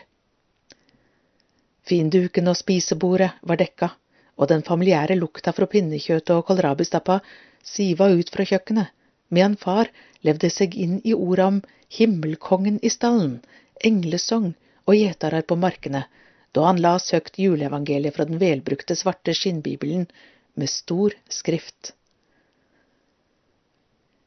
Skal tru korleis livet skulle bli når eg sjølv vart vaksen og fikk min egen stad å bu. Det var på restesalg i kjøkkenutstyrsbutikken i Skovveien jeg så dei. Sju franske, hvite middagstallerkener, fem djupe skåler og åtte til frokost. Samme merke og design, reine trekk, uten noe dilldall. Ikke at jeg nødvendigvis var imot dilldall, men det var noe med dei, tunge. Det fikk stå til at jeg hadde ulikt antall. Jeg var knapt 21 og delte en leilighet med barndomsvenninna mi fra borti vegen, et par steinkast bak Slottet i Oslo. Det var riktignok i kjøkkenpikeinngangen, gulvkaldt og trekkfullt, men nå hadde vi servise med opprykk. Kringleoppskriftene fra åttende klasse ble ofte tatt i bruk. Det var akkurat plass til ei heil, fant vi ut, på den store tallerkenen. Jeg var hjemme til jul en liten tur, og mor, med armene fulle av klær som skulle strykast, stoppa meg likevel i den smale gangen med linoleumsbelegg. De kornblå øynene hadde et mildt alvor. Tror du at du noen gang kunne gifte deg med en amerikaner, Solveig? Lattermild, svarer jeg. Nei, det trenger du ikke være redd for, det kommer jeg aldri til å gjøre. Sanger jeg hadde knota ned i tenåra ved fars skimmelpiano, eller bøygd over papir og blyant med gitar i armkroken, var nå utgitt på amerikansk plateselskap. Filmen Tre nøtter til Askepott hadde inspirert min egen Askepott-sang, og nå fantes han på vinyl, oversatt til engelsk av min ungdomshelt, Larry Norman. Singelen med duetten vår var på rotasjon i Uniten Burke, som mor kalla USA. Hun lærte aldri engelsk. Det var ei tid med mange høve for å klype seg i armen. Jeg klarte knapt å følge med, alt gikk så fort. Jeg møtte han i Sør-California, i et TV-studio der vi begge var gjester. Han fridde på lufta i filmstjerners nærvær et halvt år seinere. Så det gikk skeis med løftet til mor. En desemberlørdag i Manger kirke, da snøen gnistra som diamanter på bjørkegreinene, kunne en høre Deilige jorden på norsk og engelsk, og James Taylors Shower the People, fremført av kolleger i Oslo Gospel Choir. Utpå natta sklei vi av gårde bort etter isete vegar i en amerikansk veteranbil til et nytt og annerledes liv. Det meste av møbler og saker jeg eide, var solgt eller gitt bort før jeg viste passet mitt i luka på Flesland i romjula for å emigrere til det store utlandet. Med nøyaktige mål fra flyselskapet var det blitt snekra tre trekister, og slik flaug Pan American Airlines bryllupsgavene, det franske serviset og oss like til Los Angeles. Siden ble det bare et par-tre juler på meg i Norge. Logistikken ble for krevende, så det var å gjøre det beste ut av det. Holde fast ved det gode, hente styrke fra tanken på dei heime. Det var ei lykke å finne ut at dei velsigna sjømannskyrkjene kunne sende pinnekjøt med post, og at det fantes krumkakejern og vaffeljern av norsk kvalitet med amerikanske støpsel. Det kunne være sårt også. Edvard Hoems bøker om utvandrerne treffer egentlig altfor nært. Tre fine barn fikk vi. Mor sendte hver advent en stor, brun polstra konvolutt med heimebakte sjakkruter og sirupsnipper. De var sjølsagt knuste, og bare smuler var igjen når de nådde fram, men jeg skal love deg, det var heilage smuler, nytt med andekt. Vi fulgte fars eksempel og las høgt juleevangeliet fra Lukas 2 ved middagsbordet medan pinnekjøttet ble holdt stimende varmt under lokka. Vær ikke redde. I dag er det født ikke en frelser i Davids by. Han er Kristus, Herren. Den siste jula sa man med far til barna, var de seks, elleve og fjorten, og rett over nyttår, da treet så vidt var hivd ut, var han heime for siste gang. Det var en ubeskrivelig lettelse å få tildelt aleneansvar for deg som norsk mor i en amerikansk domstol. Ja, tenke seg til, det gikk omtrent så gale som i slike filmer som er egna for deg helst over 18. Den folkelige, vennlige Robert Redford-aktige forkynneren med hjerte for utslåtte heimlause havna sjøl ved et langvarig alvorlig rusproblem som eskalerte over en del år, fra korte episoder jeg feia over, til at jeg etter 17 års ekteskap måtte gå på politistasjonen og be om besøksforbud. I noen år før dette kraup det inn usynlige nye vaner, som å ikke lenger glede seg til bursdager, høgtider, ja, til jul, for en visste aldri heilt hva som kunne komme til å hende. Slik det ei annerledes jul når vi skulle prøve å finne en ny måte å være familie på. Vi gjorde utflukter i fjellet, maten var den samme, men venner ble nå enda mer som familie. De mjukna knallharde realiteter og ga mot i møte med uønska kompetanse. Julefred, ei plate jeg laga på barnas oppfordring, åpna dører for det utenkelige. En tidligere plateselskapssjef i Nashville, enkemann med to voksne sønner, la til rette for innspillinga. Etter hvert var det mer enn musikk i lufta. Han reiste til Frekkhaug og spurte far om å få handa mi. Både mor og far er borte nå. Fars gamle bibel ble en del av min arv, så jeg kan, om jeg vil, ta den fram, legge den i fanget og lese fra de samme sidene. Nå står det hvite franske serviset i ei kjøkkenhylle i Tennessee, der Jim og jeg har laga våre nye tradisjoner med vår blenda familie.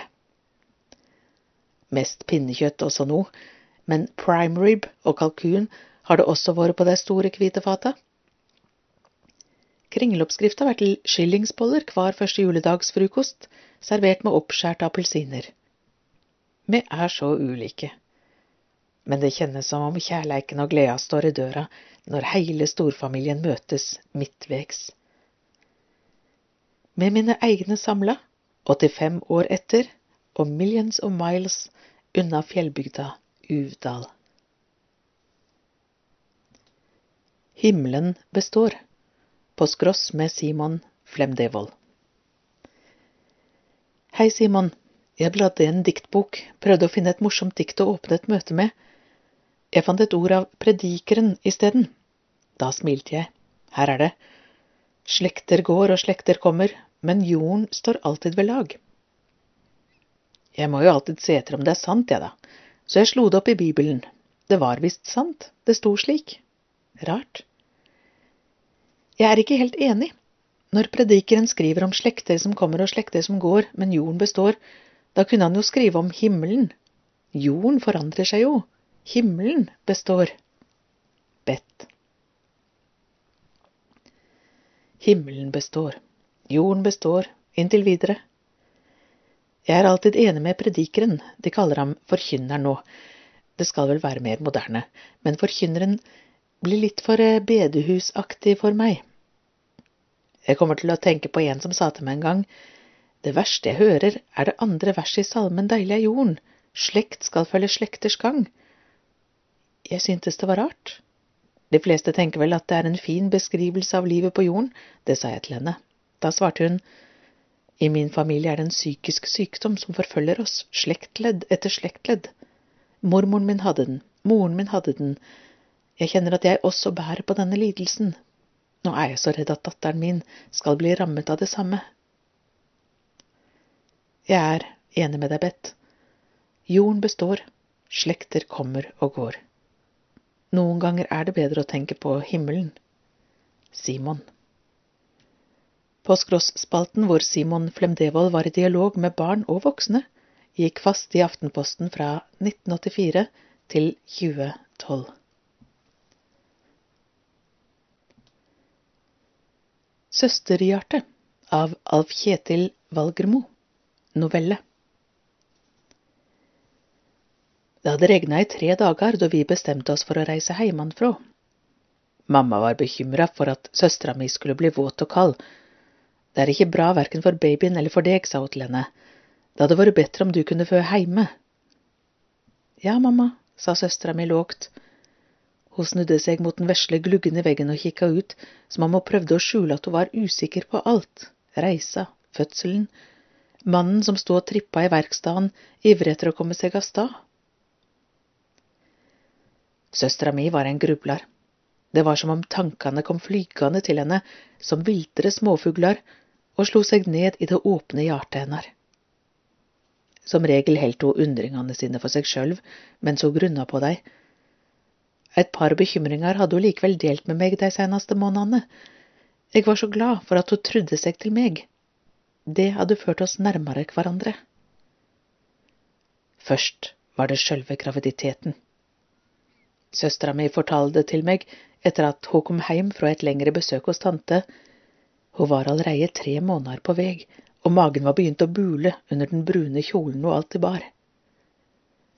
Søstera mi gret mens hun fortalte, for kjæresten hennes var ikke far til barnet. Den rolige mannen var blitt sint som en villokse da han oppdaga den vesle kulen.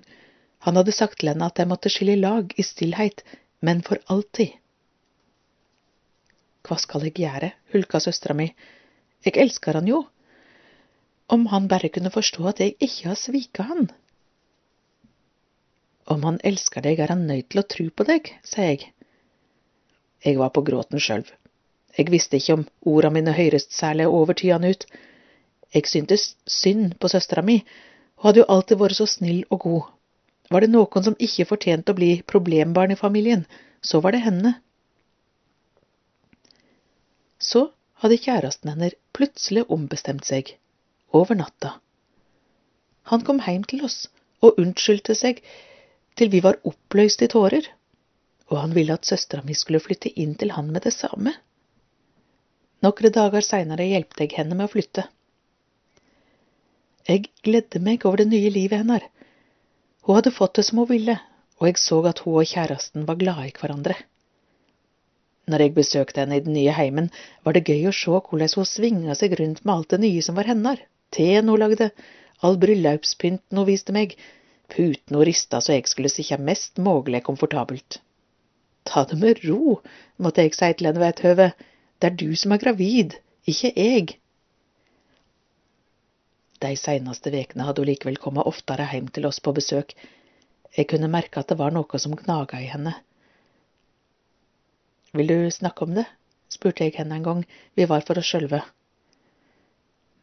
Du veit, jeg skulle jo ikke være redd, sa hun og så nesten skamfull ut, men jeg grua meg til å reise hjemmefra akkurat nå.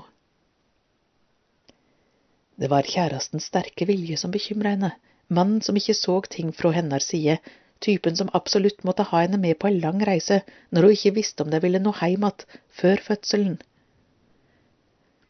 Den reisa er så viktig for han, jeg har egentlig ingenting jeg skulle sagt, sa søstera mi. Ingenting er viktigere enn babyen, protesterte jeg. Men jeg veit jo at reisa er viktig, sa søstera mi, forståingsfull som alltid. Vi må rekke fristen hans, ellers kan vi havne i trøbbel.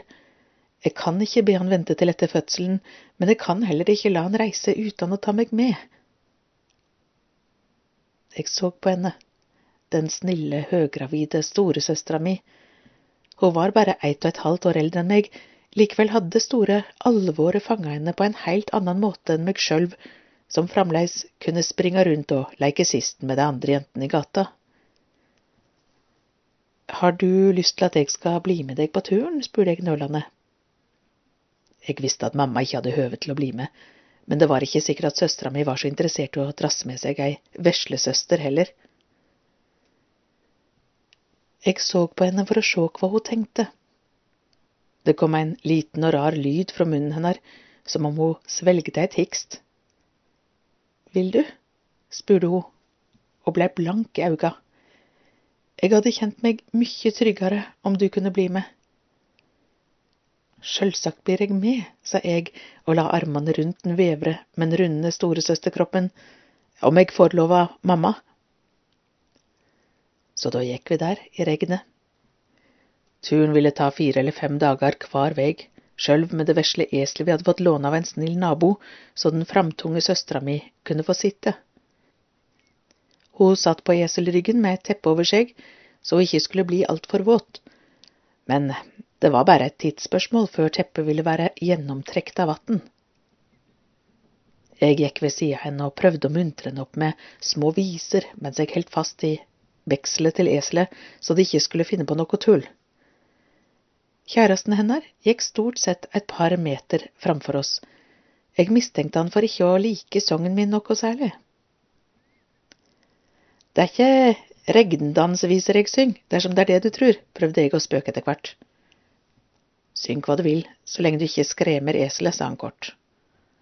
Da måtte iallfall både jeg og søstera mi le. Slik gikk turen videre, skritt for skritt, med sang etter sang. Det kan likevel hende at skrålinga hadde en viss effekt, for den andre dagen slutta det å regne, tvert. Ja, sola varmde så godt utover ettermiddagen at vi ikke engang var våte da vi omsider stoppa for å overnatte. Nå fikk vi derimot et nytt problem. Den første natta hadde vi tatt inn hos noen kjenninger av oss, der vi i tillegg til å få tak over hodet, hadde tørka klærne våre og sett til livs hver vår store bolle med mat. På dag to var vi avhengig av at framande ga oss husly, slik vi også var det dagen etter, og dagen etter det igjen. Det var vanskelig å finne overnattingssteder på turen, ja, sjølv med penger i hendene var det et svare strev hver eneste kveld. Så da vi omsider var framme i den vesle byen vi skulle til, pusta søstera mi letta ut. Jeg kan knapt vente på å få ei ordentlig seng å sove i, sa hun. Jeg har ligget så vondt disse nettene, jeg har nesten ikke sovet. Og det tror jeg ikke babyen har gjort heller, etter sparka hans å dømme. Mens kjæresten hennar gikk for å ordne sengeplass til oss, setter vi oss ned på en benk på Bytorget. Nokre meter bortenfor oss sto det ei gammel, tannløs dame som selgde varm te, og jeg kjøpte to kopper av henne, litt for dyrt. Varmen gjorde jo uansett godt i halsen. Men da søstera mi hadde drukket noen slurker, fikk hun et rart uttrykk i ansiktet. Hva er det? spurte jeg. Smakte ikke teen? Jeg kjente noe, sa hun og strauk seg over magen. Jeg tror rien har begynt. Er du sikker? spurte jeg. Er det noe jeg kan gjøre? Hun reiste seg bare og gikk i sirkler på den vesle plassen, mens jeg kjente pulsen auke i takt med hver runde. Så sette hun i med noen djupe stønn jeg ikke hadde hørt siden natta da nabogutten ble født. Jeg spratt opp fra benken så tekoppen gikk i bakken med et knas. Går det bra med deg? spurte jeg forskrekka. Kan du få tak i kjæresten min og be han skunde seg, pesa søstera mi, da hadde gitt seg med den verste stønninga. Jeg tror det er en baby her som har tenkt seg ut etter hvert. Hva er det du sier, ropte jeg, det går da vel ikke så fort, han kan da ikke ha tenkt seg ut allerede nå. Den gamle, tannløse dama hadde fått med seg opptrinnet og var kommet bort til oss. Hun smilte med de bare gommene sine, peika på søstera mi og sa et eller annet om at ingen kjenner dagen eller timen. Jeg hadde ikke tid til å høre på visdomsprat, men tok tak i armene hennes og rista den gamle og skjøre skapnaden litt for voldsomt. Kan du vente her med henne, jeg må finne mannen hennes. Så sprang jeg. Jeg sprang og sprang, til jeg måtte ha vært gjennom hele den vesle byen fra nord til sør. Omsider fant jeg han utenfor et nedslite lokale i det som måtte være den fattigste bydelen. Da var det allerede begynt å mørkne. Du må skunde deg, ropte jeg så fort jeg fikk øye på han, babyen kjem. Aldri hadde jeg sett den trause og litt trege mannen få større fart på seg. Han smelta en neve med penger i handa på mannen han sto og forhandla med, reiv til seg en rusten nøkkel og sprang attende til Bytorget, som om han hadde styggen sjølv i hælene. Jeg nådde fram til deg, hadde han allerede tatt søstera mi i armene sine og bar henne som et barn. Henter du eselet? spurte han og ga seg ikke til å vente på et svar der han strena av stad. Bare ta det med inn, vi trenger all den varmen vi kan få der inne. Jeg hadde heller inga tid å miste, men greip om bekselet på dyret og halte det etter meg gjennom de mørke gatene, mens det ytra seg livligere enn på lenge.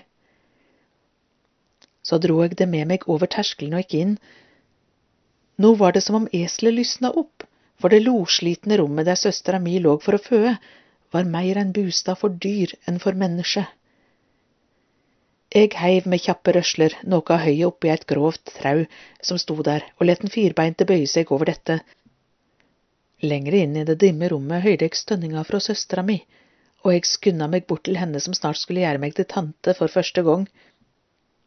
Hun lå på teppet og hadde hatt over seg på turen. Det var breid utover meir av det samme høyet som hele husværet var så fullt av. Det var godt du kom så fort, sa kjæresten hennes. Jeg trur ikke det er lenge før ungen kjem, jeg veit ikke om… Tror du at du… Kunne du tenke deg å… Han så på meg med et beende blikk. Jeg rakk å tenke at han sikkert ikke hadde vært med på andre barnefødsler enn sin egen. Vær ikke redd, sa jeg, jeg tek over her. Hva skulle jeg ha gjort uten deg, hikste han, mens jeg sette meg på kne framfor søster mi. Himmelen skal takke deg. Jeg hadde heller ingen erfaring. Ingen erfaring i det hele, annet enn de talløse historiene jeg hadde hørt i byen heime, og stønna til nabokona gjennom husveggen. Jeg ba desperat til Gud mens jeg bløyta et tøystykke i en bolle med regnvann. Han må ikke svikte meg nå. Så så jeg på søstera mi med all den kjærleik ei jord kan romme. Press! ropte jeg. Søstera mi skreik, og jeg skreik, men jeg visste allereie da at barnet var eit under. Kjære mamma. Paris, 77, Rue de Varenne, 20. desember, en julehilsen 1909. Guds velsignelse og Hans hellige vennskap ønsker jeg deg i denne stille julehøytiden.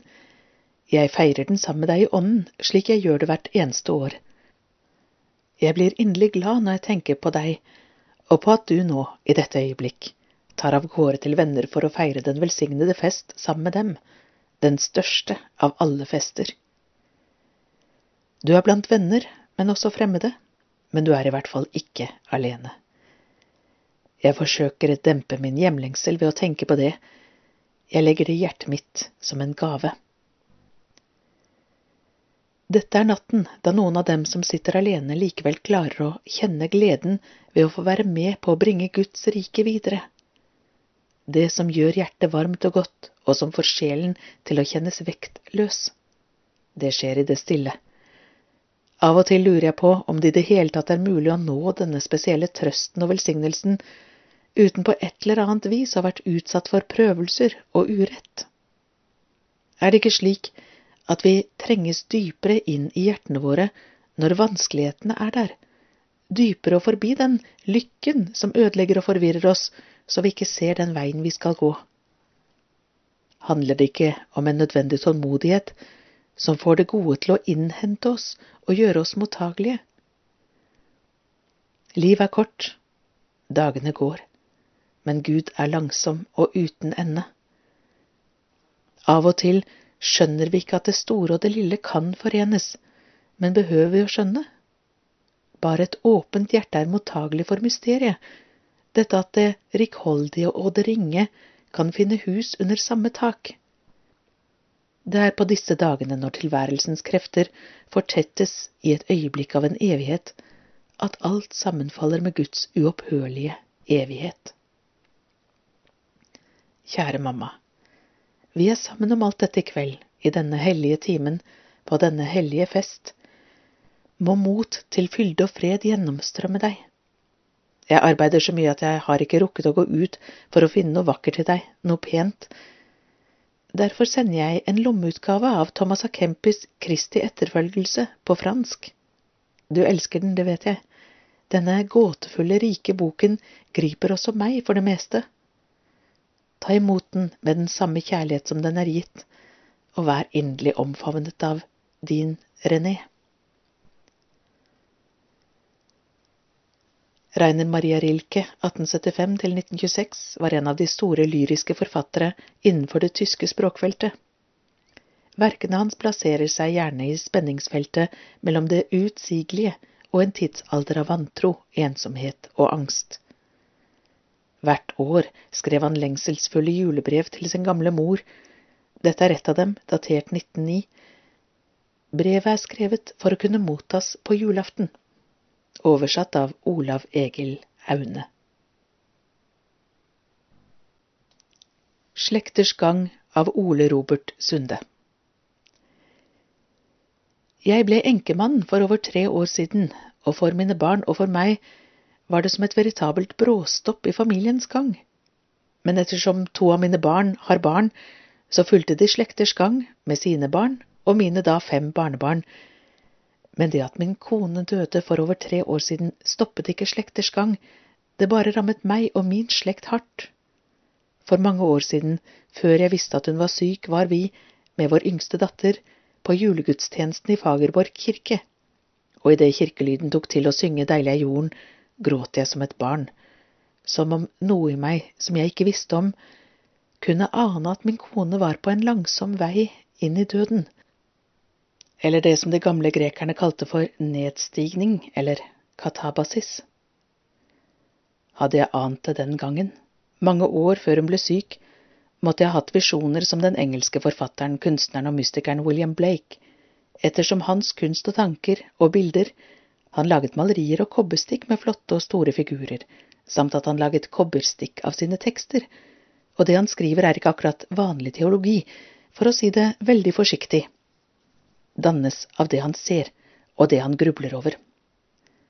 Eller som den danske Blake-kjenneren Nils Alkjær kaller at det ikke er forskjell mellom å se med det ytre øyet og se et billed i fantasien.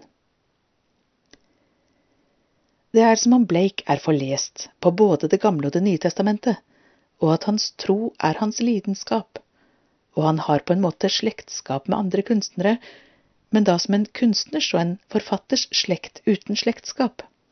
På mange måter er da Blake i slekt med både de gamle profetene fra Israel og den svenske visjonære forfatteren, teosofen og naturfilosofen Emanuel Svedenborg. De var begge svært visjonære, og begge har sitt litterære slektskap med Dante. Men dette skal ikke være om forfatterforbilder, men om min haltende slekt etter min kones død.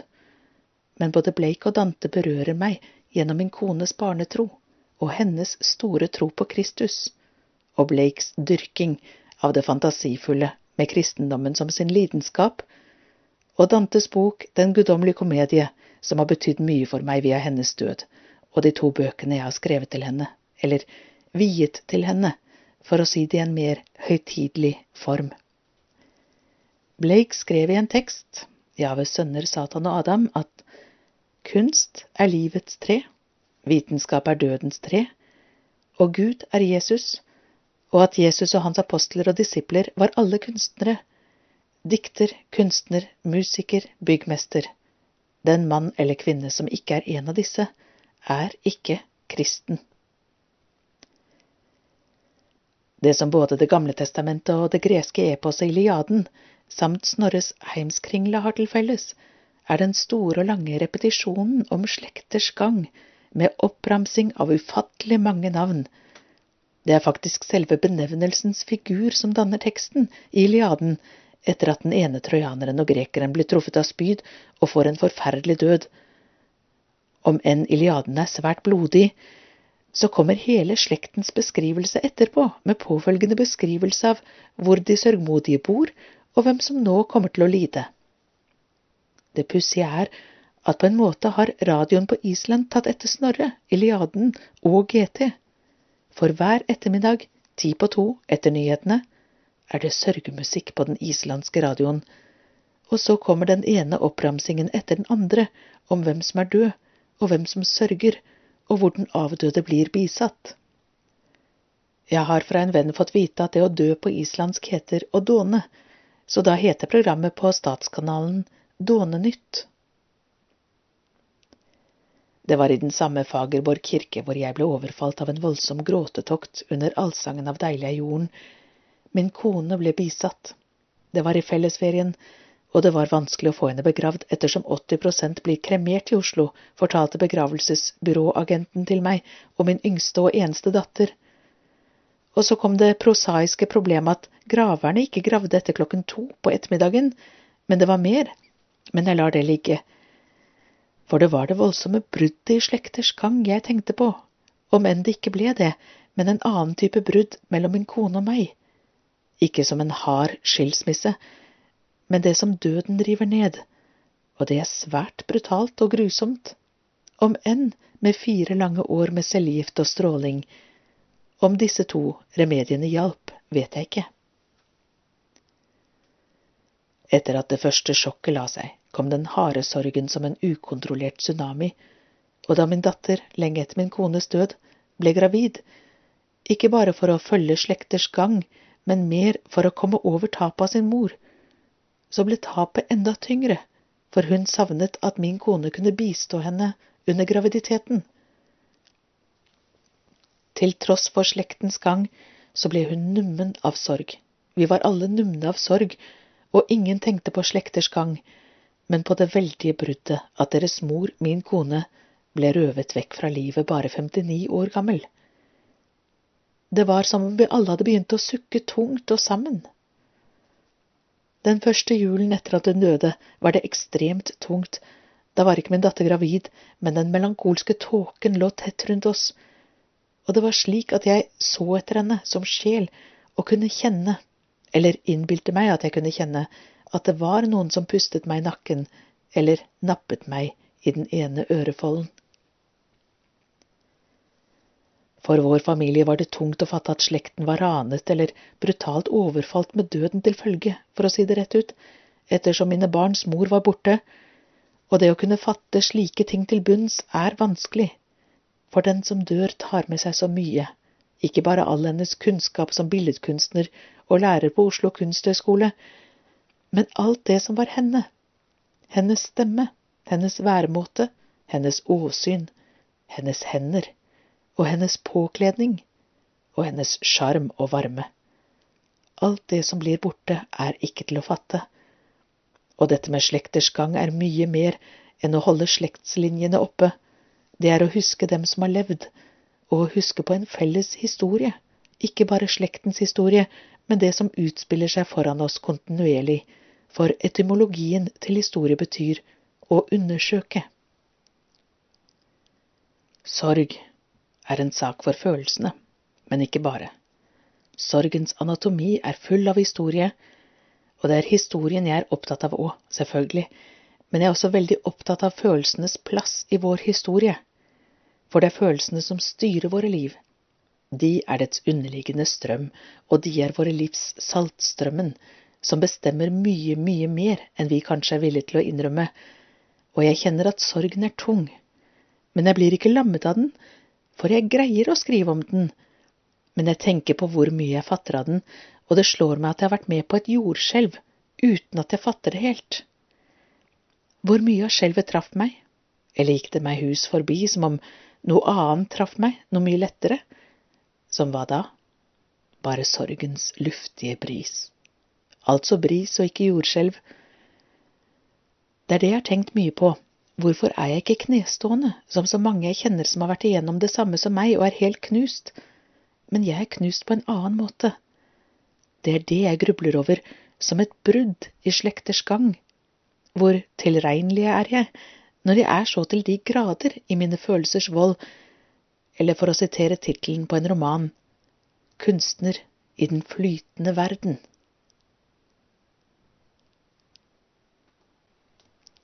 Hellig jul av Vera Sæther 1. Sauene var der, og hyrder, da lyset rant ned i et barn, svøpt i lin, eller var det jute, en lampe, skjermet på sanden med øyne, tær og fingre. Ildfluer summet, Midtøsten, miskunn den natten. To. Faren var vitne, slått vidåpen av en engel. Moren var stille, standhaftig. Barnet var hennes adresse. Tre. Det den fattige har, er en kropp bitt av hunger, og noen ganger bønn som kan bære. Fire. En mor lot være å eie, en far sørget for eselet. Fem. Tre seere vandret fra øst med kunnskap, det er ikke du, keiser Augustus, som er eneveldig. Tre seere bar gull, røkelse, myrra, for å legge det fra seg under det ene lyset og knele. Velsigne oss, du uslukkelige. Sju. Et barn brøt med regimet, og keiseren, rasert av redsel, befalte drep hver eneste nyfødt. Åtte. Keiseren er en sydende kjeft her vi puster prekært. Keiseren sier alle slaver er mine, alle missiler og maten. Ni.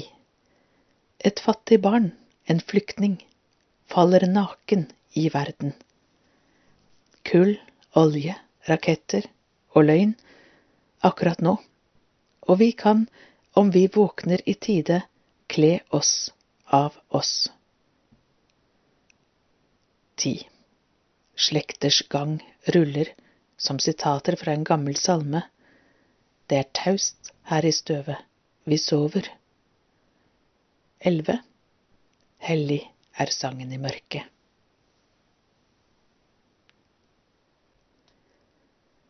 Vinterhjerte Kristina Rossetti og hennes julesalme av Trond Skar Dokka. I julesalmene våre florerer hjertespråket. Det er mitt hjerte som vanker i Jesu føderom, og Jesus kommer til meg for å bli født på nytt i mitt hjerte. Christina G. Rosettis julesalme Midt i hårest vinter, norsk salmebok nummer 55, er ikke mindre hjertefokusert. I den engelske originalen, In the Bleak Midwinter, er heart det siste konkluderende ordet. Hos Rosetti er den syngendes hjerte blitt en gave å gi Jesusbarnet. Tekstens hjertefokus harmonerer godt med standardoppfatningen av Rossetti. Ikke sjelden beskrives hun som en tårevåt, sentimental viktoriansk peppermø, men stemmer dette? Og er det til hjelp for å forstå hva hun mente om hjertet som gave? Modell og dikter Christina G. Rossetti, 1830–1894, var, som navnet antyder, av italiensk herkomst. Faren var en italiensk frihetskjemper som ble reddet fra henrettelse av en britisk admiral, og som slo seg ned i England, snart med en halvt engelsk, halvt italiensk kone. Her levde familien blant andre flyktninger, asylanter og politiske frihetsaktivister fra hele Europa, periodevis under ganske trange kår. Det var et kosmopolitisk miljø med klare innslag av kulturelite. En av Kristinas faddere var ingen ringere enn den avsatte prinsesse Christina Bonaparte, en av Napoleons nieser. To av de fire Rossetti-barna ble kunstnere. Den to år eldre broren, Dante Gabriel, egentlig Gabriel Dante, var en av initiativtakerne til Det pre-rafaelittiske broderskap, en ungdommelig opprørsbevegelse mot den rådende, rent dekorative bildende kunsten. Lillesøster Kristina ble en yndet modell for disse malerne, og hun satt som modell for Maria både til brorens bebudelsesbilde og hans bilde av Annas opplæring av Maria. Kristina begynte alt tidlig å skrive dikt. Mye takket være langdiktet Goblin Market, illustrert av broren, fikk hun et omdømme som pre-rafaelittenes dronning. Diktet er en eventyraktig Victorian fantasy om to søstres møte med de underjordiske, om den enes fall og den andres standhaftighet, og om det helbredende søsterskapet dem imellom. Det er skrevet med sensuell fryd, også når det gjelder de søsterlige kjærtegn, noe som gjorde at Playboy av alle publiserte dikt i 1973, utstyrt med halvpornografiske illustrasjoner. Oppbyggelig kvinnelig forfatter. Rossettis samlede forfatterskap, som både er på engelsk og italiensk, er ikke veldig omfattende. Foruten dikt mange av dem beregnet på barn, består det av noen fortellinger samt flere oppbyggelige tekster og bøker. Christina Rossetti tilhørte den høykirkelige Oxford-bevegelsen innen den anglikanske kirke. Det la temmelig stramme restriksjoner på hva slags roller hun kunne innta som kvinne. Å tre fram offentlig som lærer innen tro og teologi var like uaktuelt som å være prest. Tross dette fant hun seg en nisje som oppbyggelig forfatter. Hun utga blant annet en ganske fascinerende kommentar til Johannes' åpenbaring, The Face of the Deep. Her belærer hun ikke, verken om lærespørsmål eller historie, det kunne hun ikke tillate seg som kvinne. I stedet inviterer hun til en slags samtale med sine lesere, der det overordnede siktemålet er å nå fram til en adekvat holdning til bibelteksten, at man ser den som utsiden av et utsigelig mysterium. Rosetti var høyt respektert i sin levetid, og om hun ikke hadde dødd litt for tidlig, ville hun etter alt å dømme ha blitt utnevnt til landets æresdikter, poet laureate etter Alfred lord Tennyson. Siden har vurderingen av henne gått i bølger. Lenge ble hun oppfattet som for kristelig, for sentimental og jomfrunalsk, for ydmyk, nærmest til det selvforaktende. I løpet av de siste to-tre tiår har dette imidlertid skiftet. Mange har gjenoppdaget hennes frodighet og livsglede. Viktigst for vår tids revurdering er nok oppdagelsen av feministiske elementer i forfatterskapet. Diktet som ble favorittsalme 20 år etter at Kristina hadde sittet modell for en ustelt, søvndrukken og nokså forskremt Maria, idet engelen Gabriel besøkte henne og broren Gabriel malte henne, mottok hun en henvendelse fra USA. Det var magasinet Shribners Monthly, som gjerne ville ha et juledikt. I mange av årene som var gått siden hun satt modell for Maria, hadde hun jobbet som frivillig på et hjem for falne kvinner, antagelig en blanding av prostituerte og enslige mødre. Nå da hun satte seg ned for å skrive sitt juledikt, visste hun langt mer om moderskap generelt, men først og fremst om det å få barn under vanskelige forhold. Det har satt sitt preg på diktet. Diktet In the Bleak Midwinter, som kom på trykk i januar 1872, har originalt fem vers. Versemålet er uregelmessig, og selv om diktet ble presentert i bladet som en carol, var det neppe beregnet på å bli sunget. Først lenge etter, i 1906, skrev Gustav Holst en melodi til teksten for The English Hymnal, men det krever en god del velvilje å få tekst og melodi til å passe, og tredje vers er utelatt. Tre år seinere komponerte Harold Drake et korverk som i større grad følger tekstrytmen, og som derfor skifter fra vers til vers. Med Holsts melodi i diverse amputerte former ble Rosettis tekst raskt populær, og den ble tatt inn i en mengde salmebøker. Først på 1980-tallet kom det salmebøker der alle fem vers var med, mer eller mindre intakte. Nettstedet hymnary.org har registrert hele 70 til dels svært forskjellige tekstvarianter, alle fra engelskspråklige salmebøker. Også på norsk fins det flere utgaver, til dels sterkt forkortet og omskrevet, så som teksten til Kari Bremnes. Svein Ellingsens versjon i Norsk salmebok ble laget mens forkortede tekster rådde grunnen i engelske salmebøker, og har følgelig fire vers. Det er en verdifull tekst i sin egen rett, men gjendiktningen er også så fri at det nedtoner originalens særpreg. Uansett dette, i 2008 arrangerte BBC en avstemning blant korledere og dirigenter. Der ble In the Bleak Midwinter kåret til intet mindre enn The Greatest Christmas Carol of All Time. Vinter i Betlehem Diktet skråstrek salmen åpner med en temmelig hustrig vinterscene. Det er frost og tonnevis av snø. Rosetti sier at slik var det den gang i Betlehem. Så usannsynlig som hun visste at dette var, må hun ha ment det billedlig for å få frem det hun så som den underliggende, mer tidløse betydningen av det som skjedde. Om vi undres hva hun kan ha ment med å plassere Jesu fødsel i et slikt vinterlandskap, bør vi straks legge til side alt vi har av positive assosiasjoner til snø og hvit jul. Rosettis vinter er engelsk og traurig, den er blik.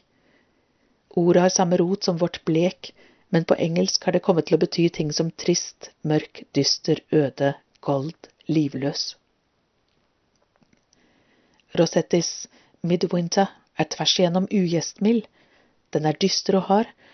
Den er til å sukke og klage over, slik vinden jo også straks gjør i hennes første vers. Men hva står den kalde og dystre vinteren i motsetning til?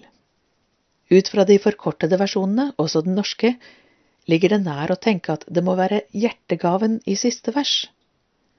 Men i diktets original kan det ikke være tvil om at den avgjørende kontrasten til det kalde og harde ligger i de tre midtversene, først og fremst det tredje og fjerde. Der utgjør det varme morsbrystet og det kjærlige jomfrukysset den rake motsetning til de harde omstendighetene. Hva da med hjertegaven til slutt? Klart er det at den er uttrykk for hengivenhet, like klart at hjertets giver framstår som fattig. Hun eier ikke den slags gaver som vismenn eller hyrder kunne gi. Hennes fattigdom gjentar på sin måte vinterens kulde og fødselsscenens usselhet. Dermed blir hjertet her en slags forlegenhetsgave. Hun har rett og slett ikke noe å gi, annet enn hjertet. Det fins dikt av Rossetti der hjertet framstår som varmt, rikt og blomstrende. My heart is like a singing bird. My heart is like an apple tree. My heart is like a rainbow shell fra A Birthday 1857. Dette er romantikkens hjertespråk.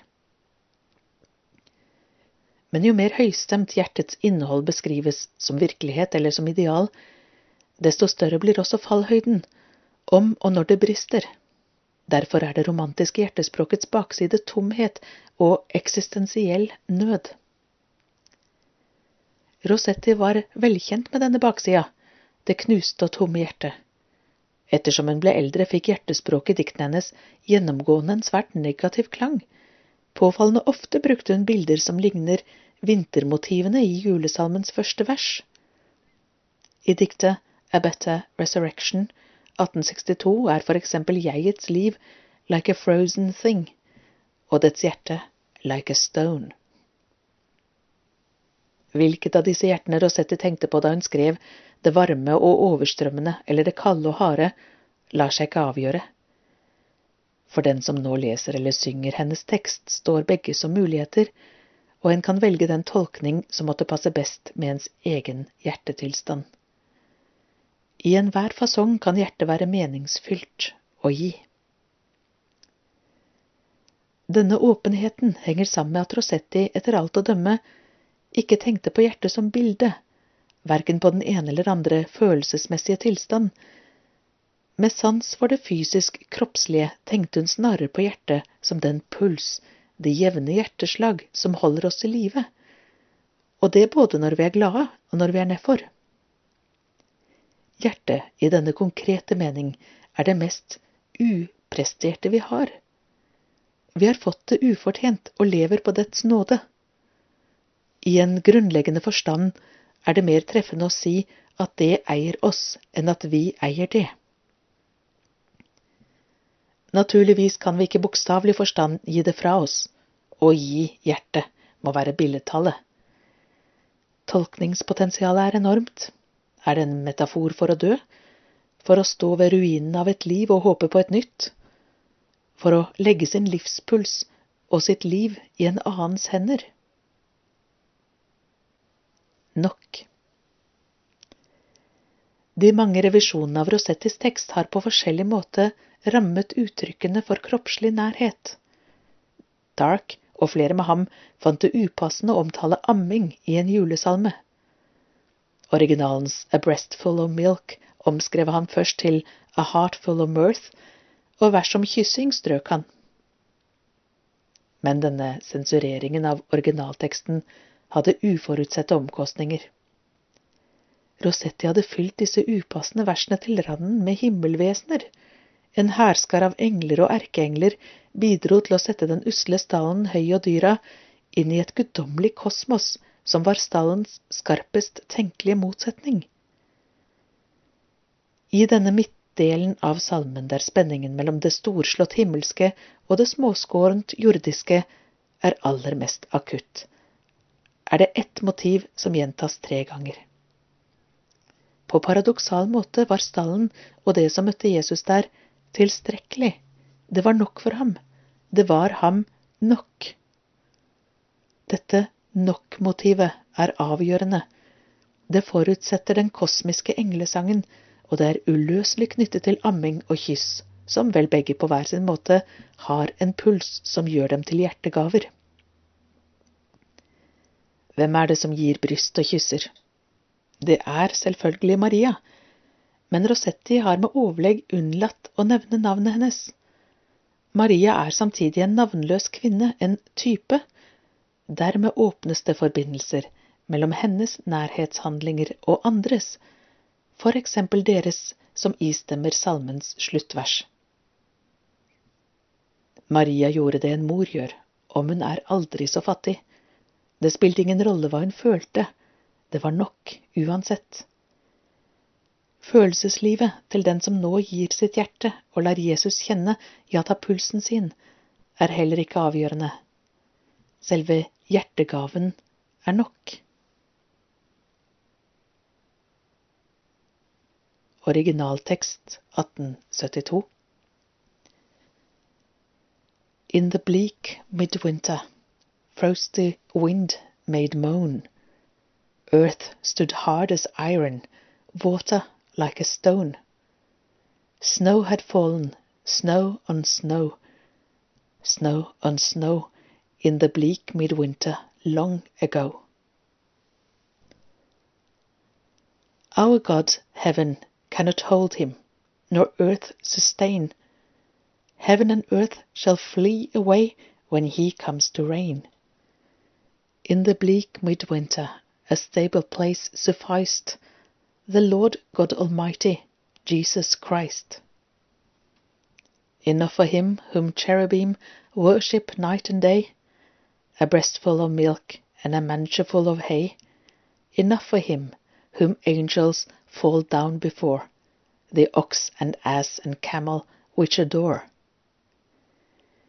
Angels and archangels may have gathered there, cherubim and seraphim thronged the air, but only his mother, in her maiden bliss, worshipped the beloved with a kiss. What can I give him, poor as I am? If I were a shepherd, I would bring a lamb. If I were a wise man, I would do my part. Yet what can I give him? Give my heart.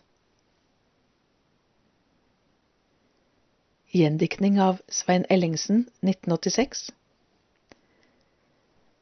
Midt i hårest vinter skjedde det en gang, som i jern lå jorden under vinden sang, sneen la et teppe over iskald jord. Midt i hårest vinter ble Maria mor. Han som skulle fødes, var Guds egen sønn. Hvor var husrom? Ingen hørte Josefs bønn.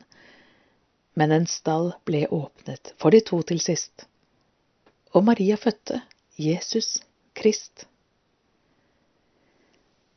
Engler og kiruber kledd i himmelsk drakt kunne ha vært samlet rundt ham og holdt vakt, men ved krybben ser vi ingen engle her. Josef og Maria kneler der. Hva kan jeg vel bringe med meg inn til ham? Hvis jeg var en hyrde, ga jeg ham et lam. Hvis jeg var en konge, ga jeg gull. Men nå, hva har jeg? Mitt hjerte skal han få.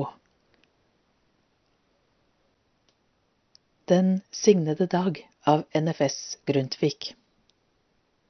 Den signede dag som nu vi ser, med blide til oss oppkomme. Den lyser på himmelen mer og mer, oss alle til lyst og fromme. Det kjennes på oss som lysets barn at natten, den er nu omme. Den signede stund, den midnattstid da Frelseren lot seg føde. Da klarnet det opp i Østerlid til deiligste morgenrøde. Da solen opprant så mild og blid, som vekker oss opp av døde. Om levende ble hvert tre i skog, og var så hvert blad en tunge. Guds nåde de kunne aldri dog med høvelig røst lovsjunge. For evig nu skinner livets lys, for gamle som òg for unge.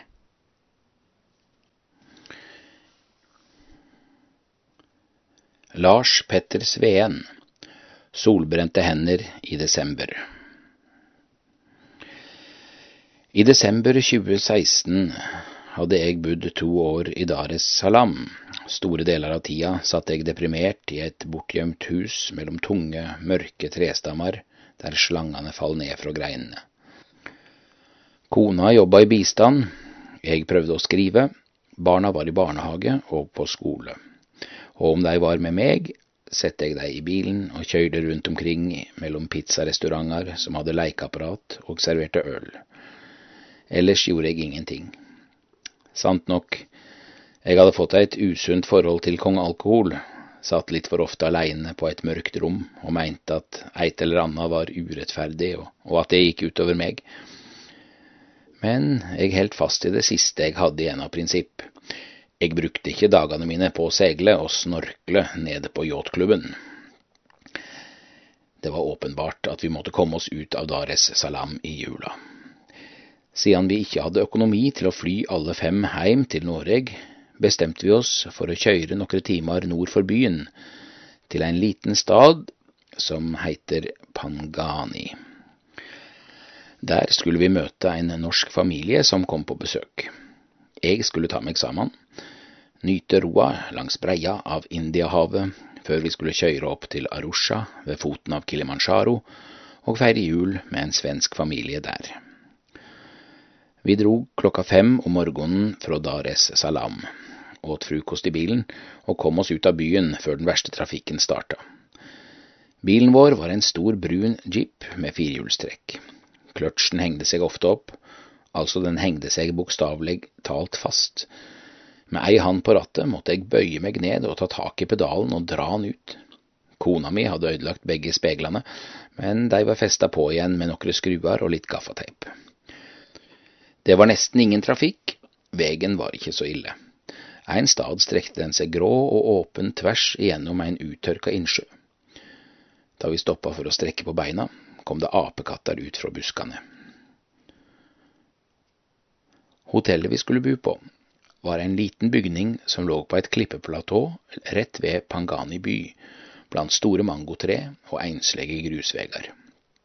Det gikk små trapper ned mellom klippene til stranda, der vannet var friskere og reinere enn utenfor Dar es Salaam.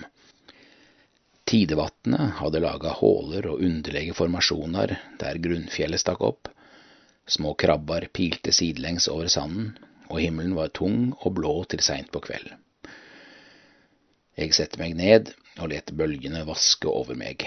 Håret og skjegget, som jeg ikke hadde klipt på et halvt år, smakte salt. Trykket på innsida av panna løste seg sakte opp. Den norske familien vi skulle møte, var allerede komne.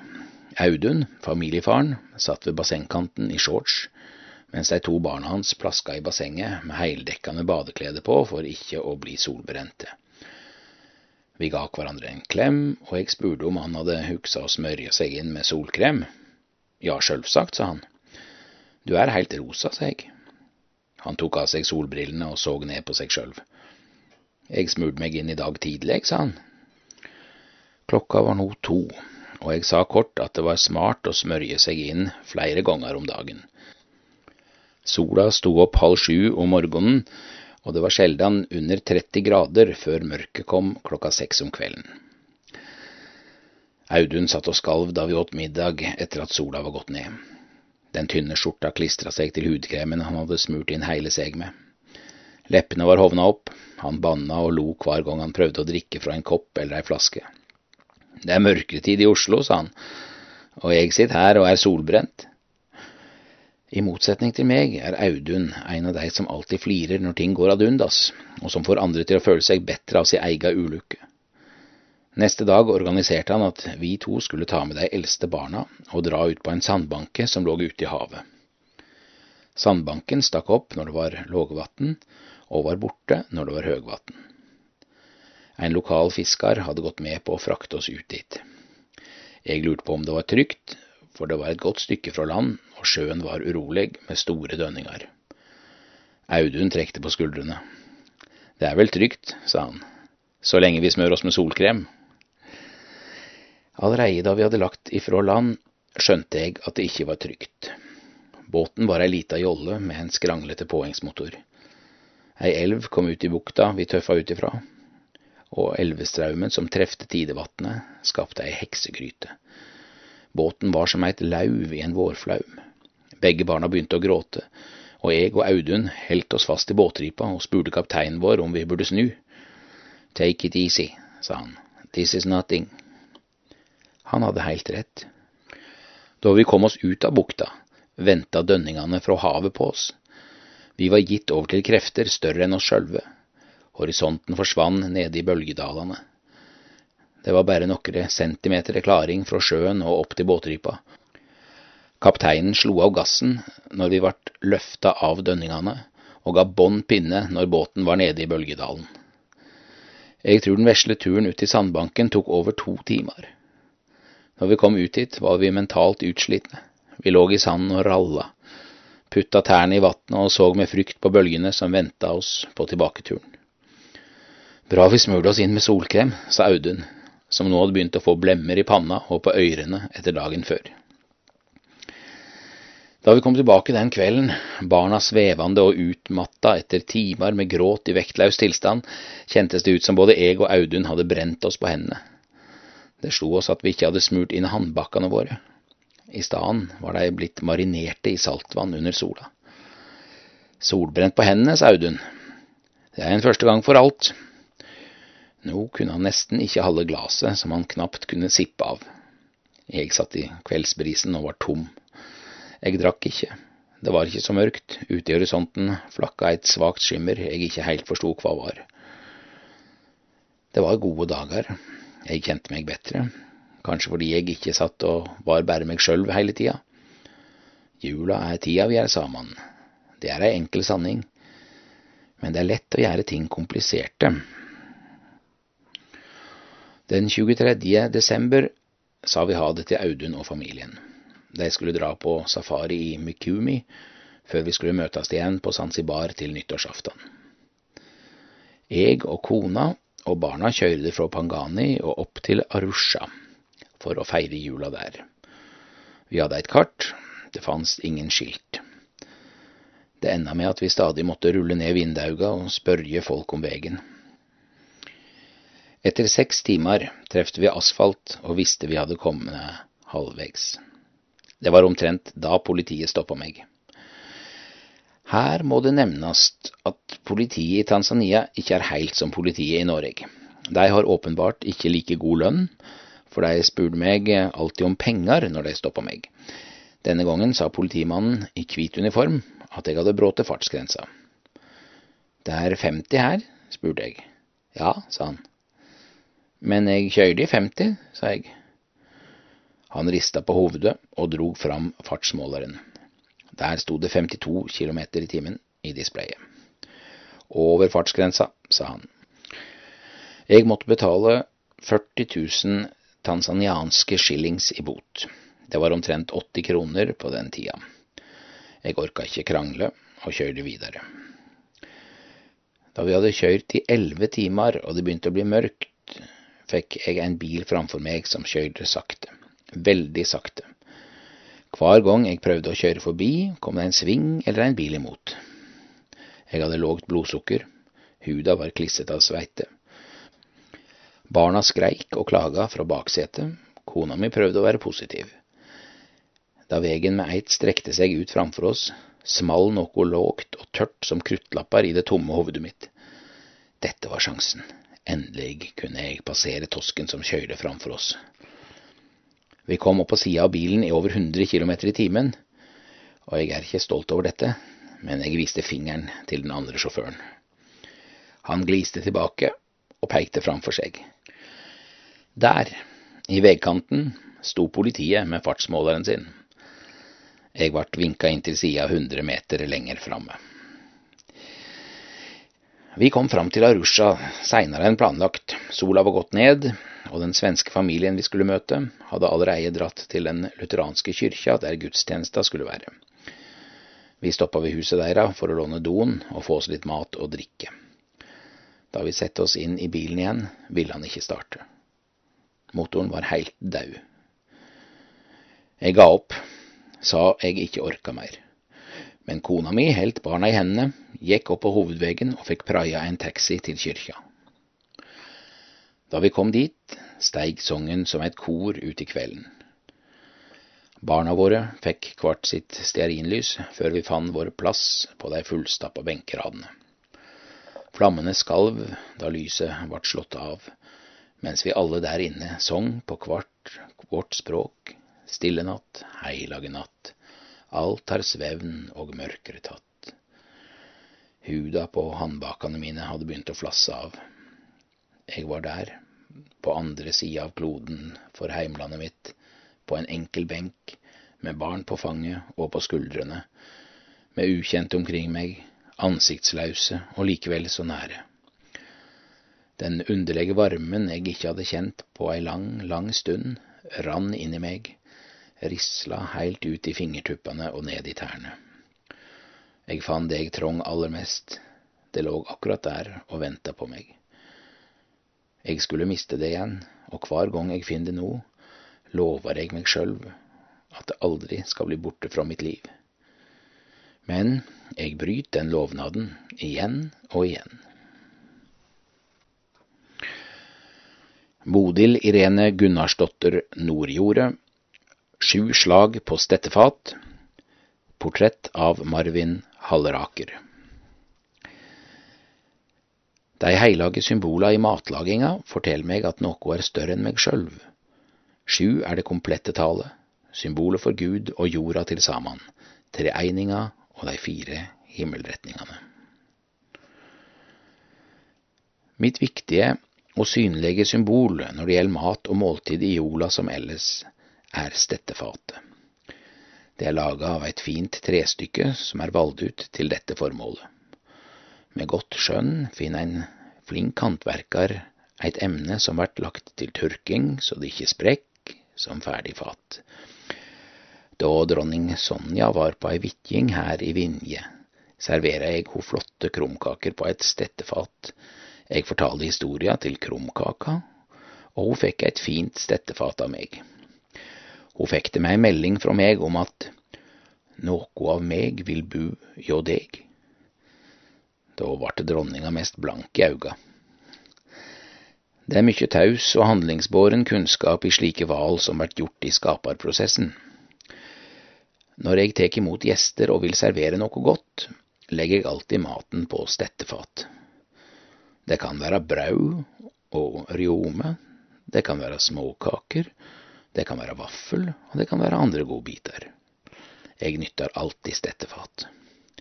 Når jeg er ute og lager mat til gilde gjestebåd, tek jeg alltid med meg stettefat og legger flatbrødet eller klingen på det.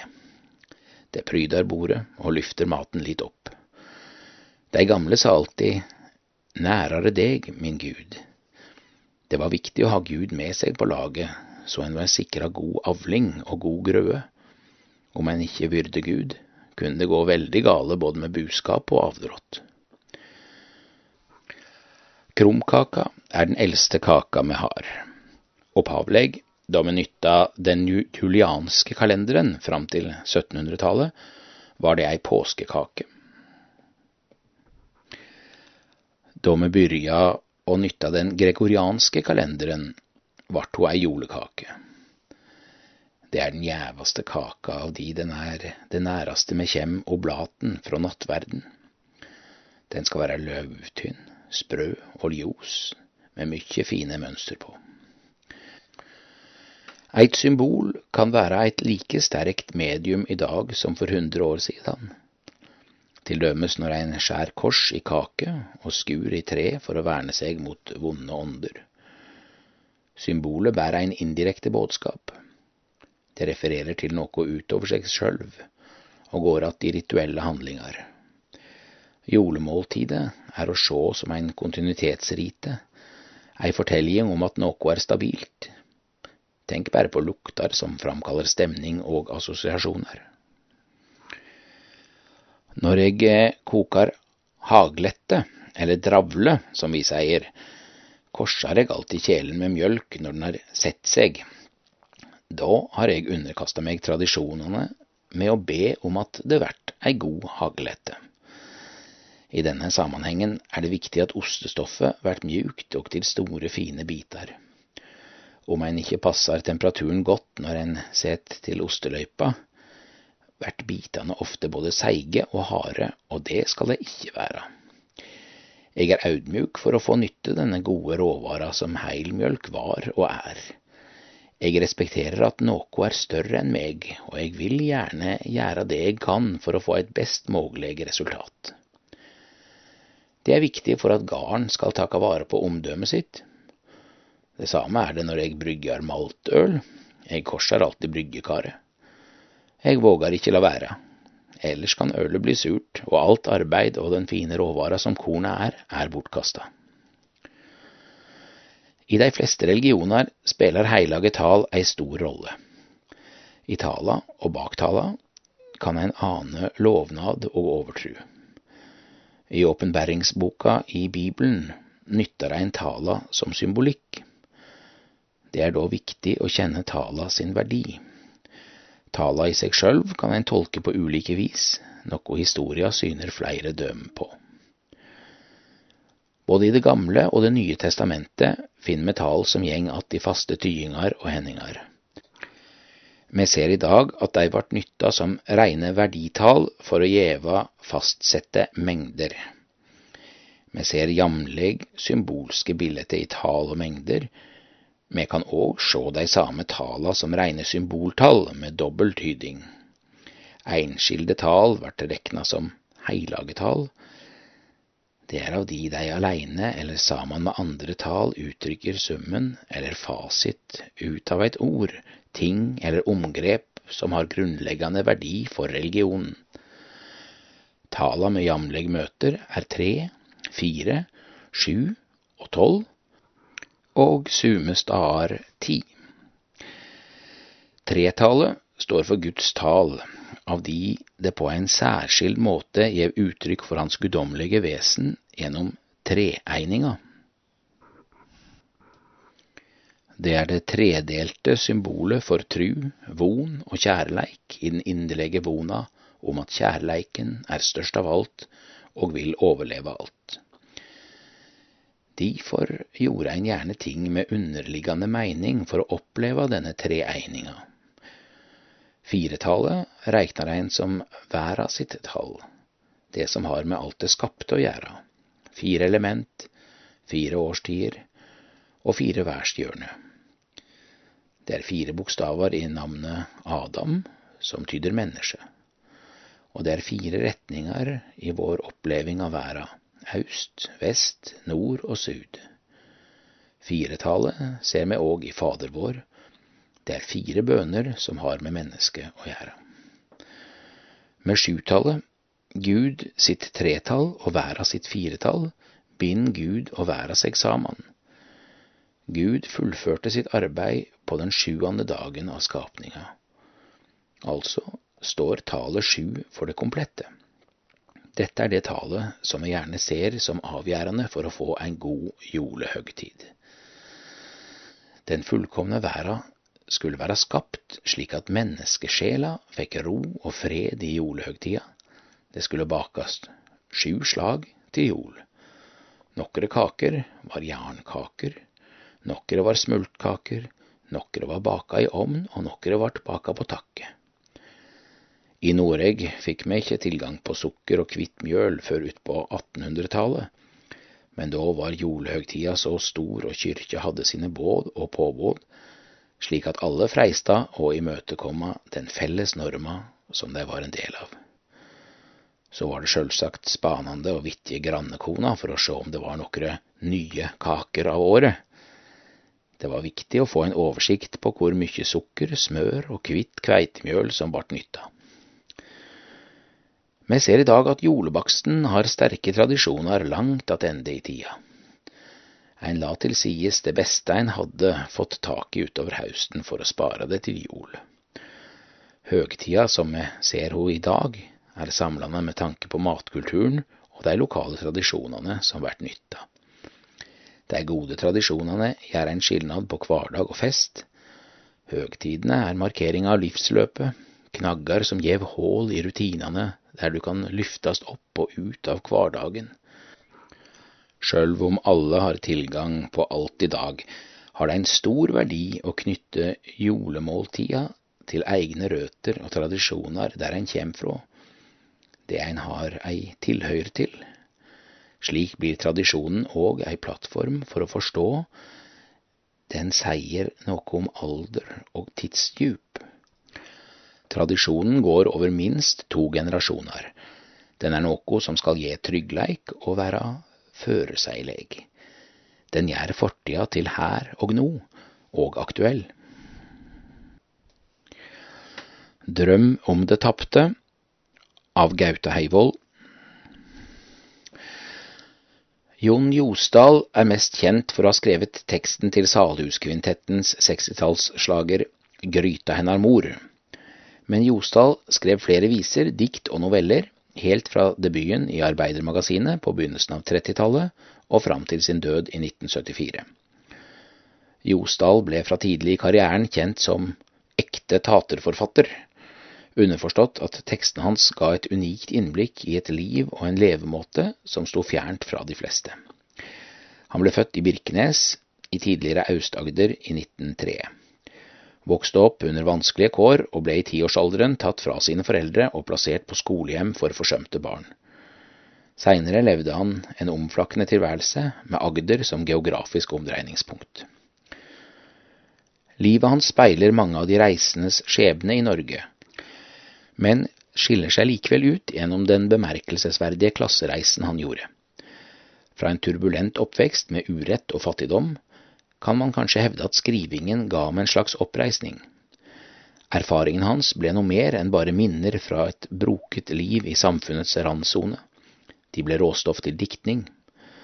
Josdal var både tater og dikter, og det fortelles at han seinere sto i korrespondanse med flere av tidens ledende norske forfattere, deriblant Sigrid Undset. Likevel forble han tro mot sin bakgrunn, helt til han falt om og døde i en gymsal i Marnardal mens han leste et av sine egne dikt.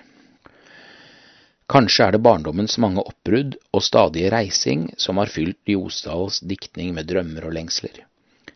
Lengsel etter det tapte, drøm om godhet, nåde og barmhjertighet, om en tid der tilværelsen både er magisk og enkel. Jeg vil være det barn jeg var, skriver Josdal i Juledrømmen, som første gang sto på trykk i avisen Tiden i Arendal 21.12.1963. Siden har diktet blitt tonsatt, og i 2012 utgitt på platen Blå juleglede, sunget og fremført av Elias Akselsen. Det ligger mye patos i de fire strofene, noen vil hevde at det grenser til det sentimentale, men når vi har Josdals egen skjebne som bakteppe, gjør diktet likevel inntrykk. Det er vår alles drøm Josdal målbærer, drømmen om det tapte, som bare kan bli virkelig gjennom nettopp drømmene. I et intervju mot slutten av sitt liv forteller han om bakgrunnen for juledrømmen, noe som i sin tid vekket min personlige interesse for både Josdal og diktningen hans. Det har seg nemlig slik at Josdal bodde noen år i Finnsland, bygda der jeg selv er vokst opp og har hentet stoff til min egen diktning. Dette var i de inntrykksvare barndomsårene før han ble tatt fra foreldrene, antagelig i årene 1911 til 13. Disse bofaste, problemfrie barneårene ble et fast punkt midt i den seinere så omskiftelige og brutale tilværelsen. Han bevarte minnet om disse sorgløse årene resten av livet, og hadde ofte denne vesle plassen i tankene da han seinere skrev sine dikt. Jeg ser den for meg, uttalte han, den snakker til meg. Likevel er det ikke først og fremst et konkret sted som snakker til dagens leser av Juledrømmen. Det er selve barndommen som taler til oss, vår alles barndom, den vi bærer med oss som noe ekte og uforfalsket, som en gul appelsin hengende i en snor. Den maner fram det som er tapt for alltid, og som nettopp derfor oppleves så umistelig. Juledrømmen av Jon Josdal Jeg vil reise tilbake til barndommens slott, til ei stue så værslitt og grå, der rommet var lite, men hjertet så godt, og himmelen så tindrende blå. Jeg vil se gjennom ruta mot skoger og fjell, jeg vil leve den jula som før, når far kom fra skogen en sen vinterkveld og smilte med eldingens glør. Jeg vil reise så langt fra den vrimlende by, jeg vil være det barnet jeg var, jeg vil fare i drømmen på rullende sky og springe inn døra til far. Og tråden, den venter med min appelsin, å du verden for et juletre. Med papir og kongler var stasen fin, og den grana jeg enda kan se. Jeg vil krype i senga når kvelden er endt, jeg drømmer så godt når det snør. Men først vil jeg se om Guds stjerner er tent, og om englene åpner hans dør. Og så kan jeg sove ved hjarta til mor, det som levde og banka for meg. For selv om hun hviler blant steiner og jord, så følger hun meg i mitt steg. Men jeg våkner vel opp i det grånende gry, ut fra viddene kommer min lengt, og ser ut mot gatens brimmel på ny, for barndommens dør, den er stengt. Og borte på teppet står grana så fin, med engler og glitre på. Men den mangler det neste, min appelsin, hengt opp med nåler og tråd. Thomas Thies Evensen To kirker langs en gate Et kirkerom skal synliggjøre det usynlige. Det vanskelige i en slik oppgave vises allerede i arkitekthonorarene. Timebetalingen er høyest for å tegne en kirke, lavest for lagerbygg. For hvordan forme en funksjon, som er selve hensikten med bygningen, nemlig bønn, tilbedelse og offer? I tillegg til at kirkerommet jo skal gi plass til mange mennesker og ha god akustikk. Både og. Å skulle synliggjøre det hellige springer ut fra kristendommen selv og kan begrunnes med inkarnasjonen, fundamentet for hele den kristne visjonen at det hellige blir fysisk, altså at den altomfattende Gud ble fortettet i et lite, sårbart menneskebarn, er kristendommens grunnmysterium og julens innhold. Dette både og, at den usynlige Gud blir som oss ved at Jesus-skikkelsen både er Gud og menneske, gir farge til hele spekteret av forestillinger om hellig tid, hellig bilde og hellig rom, men nå i motsatt rekkefølge av den himmelske inngripen, i kirkerommet er det vår verden som skal omtolkes til uttrykk for det åndelige. Via Ecclesia Hva denne visjonen innebærer som arkitektur, kan to kirker langs en gate i Oslo fortelle om. Gaten er Akersgaten, der den øvre delen ble kalt for Via Ecclesia på grunn av to tettliggende sakralbygg. Den ene bygningen, Trefoldighetskirken, er en kuppelkirke tilpasset Hammersborghøyden nederst ved regjeringskvartalet. Den andre, St. Olav katolske domkirke, er en smal langkirke med inngangstårn som ligger øverst i gaten som en bølgebryter der gateløpet deler seg i to. Begge ble oppført i nygotisk stil omtrent samtidig, midt i 1850-årene. På hvert sitt vis synliggjør disse bygningene selve grunnstrukturen i våre fysiske omgivelser, nemlig vertikalen, horisontalen og punktet. Vertikalen betones av begge kirkenes gotiske stil, som med sine spissbuer, tårn og slanke linjer tolker forholdet mellom et oppe og et nede. I St. Olav-katedralens langrom betones horisontalen som en kontinuerlig bevegelse langs en akse fra et her til et der, fra en start til et mål. Trefoldighetskirken på sin side kretser om punktet, med sin sentraliserte kuppel, og betoner med det både en begynnelse og en avslutning. Hvert av de tre temaene blir anskueliggjort med motiver og romformer fra antikken, som i de påfølgende århundrene ble meningstolket av kristendommen. Gotikken og bønnen I vår fysiske omverden erfares oppe som himmelen, sollyset og uendeligheten. Nede er jorden og steinen, vekstene og mørket. I gotikkens arkitektur tegnes dette forholdet som en akselererende stigning nedenfra og oppover. For i himmelen bor den allmektige. Han er lyset som menneskene strekker seg opp mot. Liksom livets egen streben mot Gud, som arkitekten Carl Friedrich Schinkel formulerte det. Gotikken på 1200-tallet ble nærmest skapt av denne symbolkraften, som sammen med antikkens hvelvkunst avspeilte romerkirkens symbolprogram i en periode da kristendommen dominerte Europa.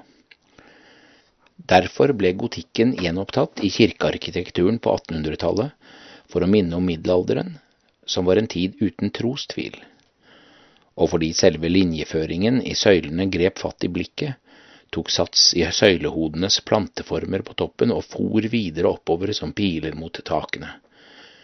For liksom røkelsen, som var et bilde på bønnen, måtte også kirkerommet stige for å treffe sitt mål.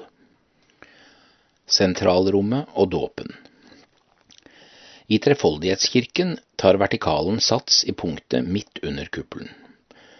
Kuppelen bæres av åtte like søyler stilt i krets rundt rommet, og er med sitt stjernedryss over oss himmelen selv, som man trer inn i mellom to tårn på hver side av inngangsdøren.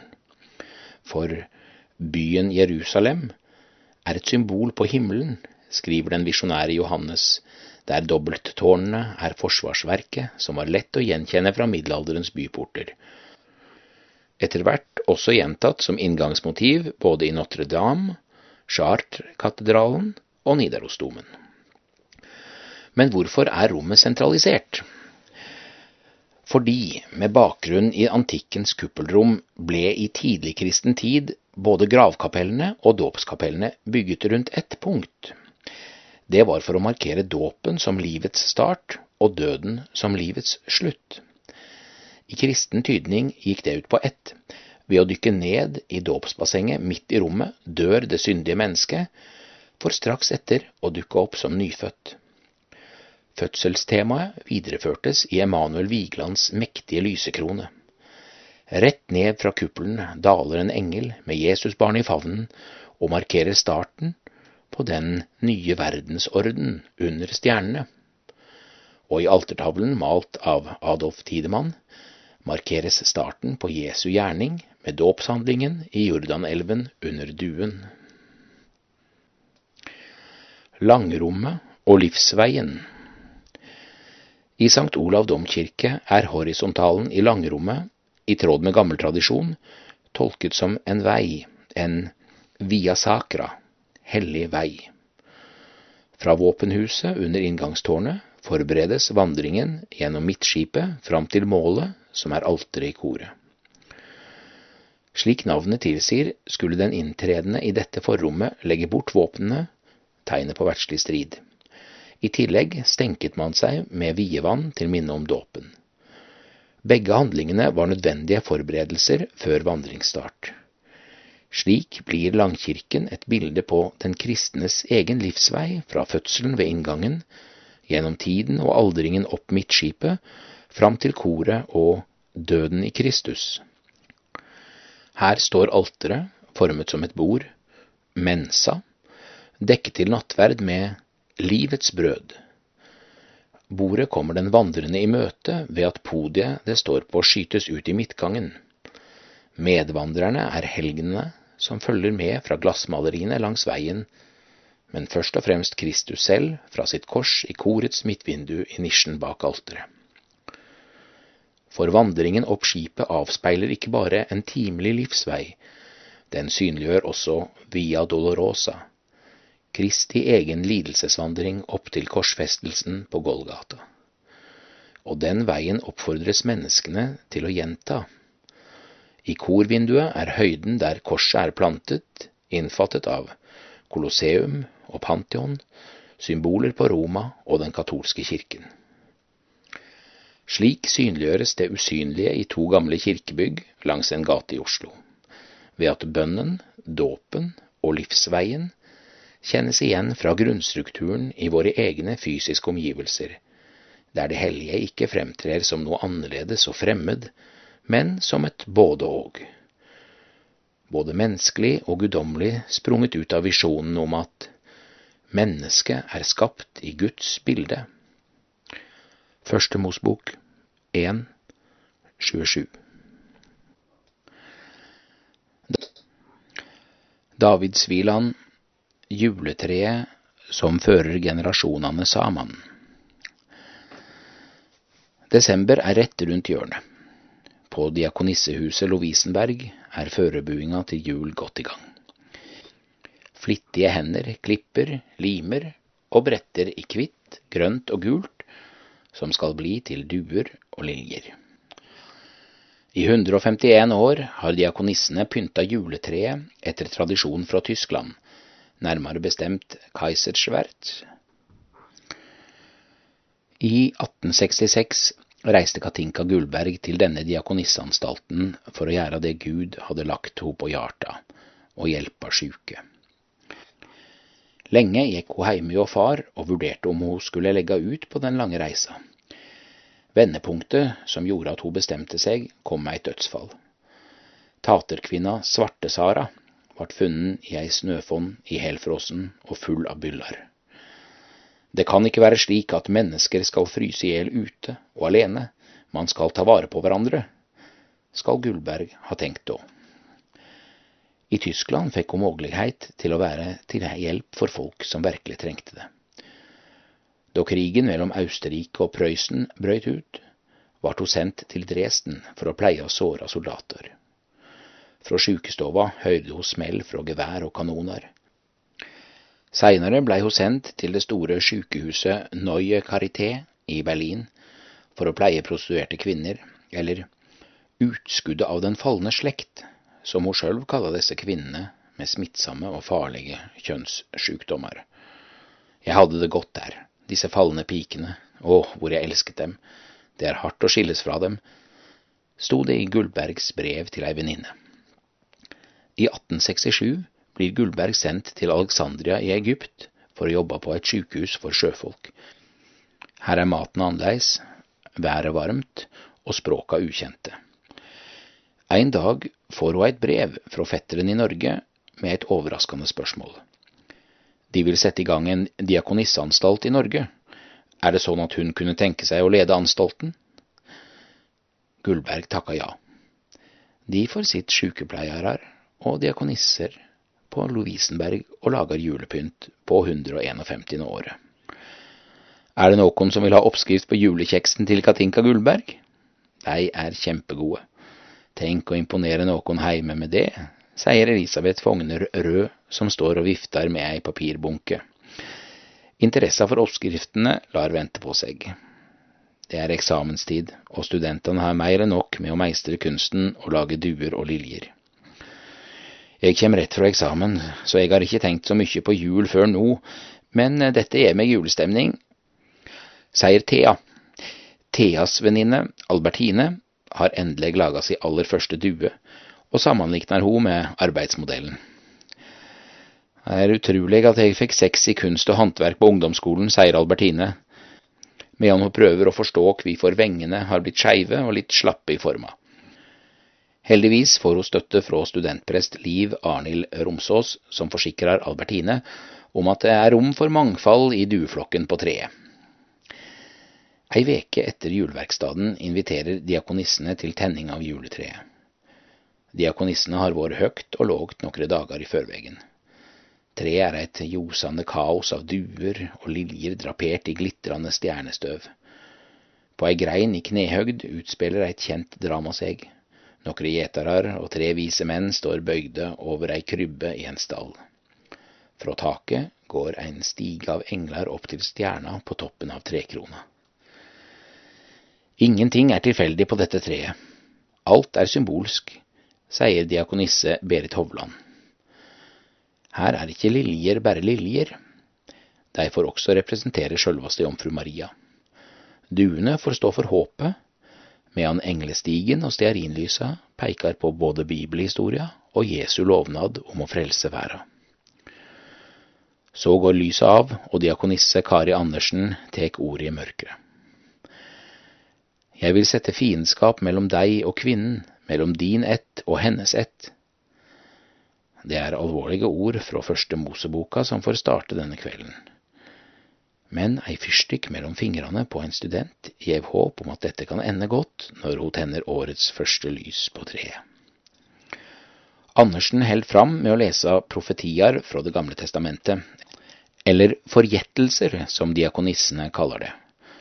For hver forgjettelse blir et nytt lys tent. Den femtende og siste forgjettelsen kjenner vi fra profeten Jesaja.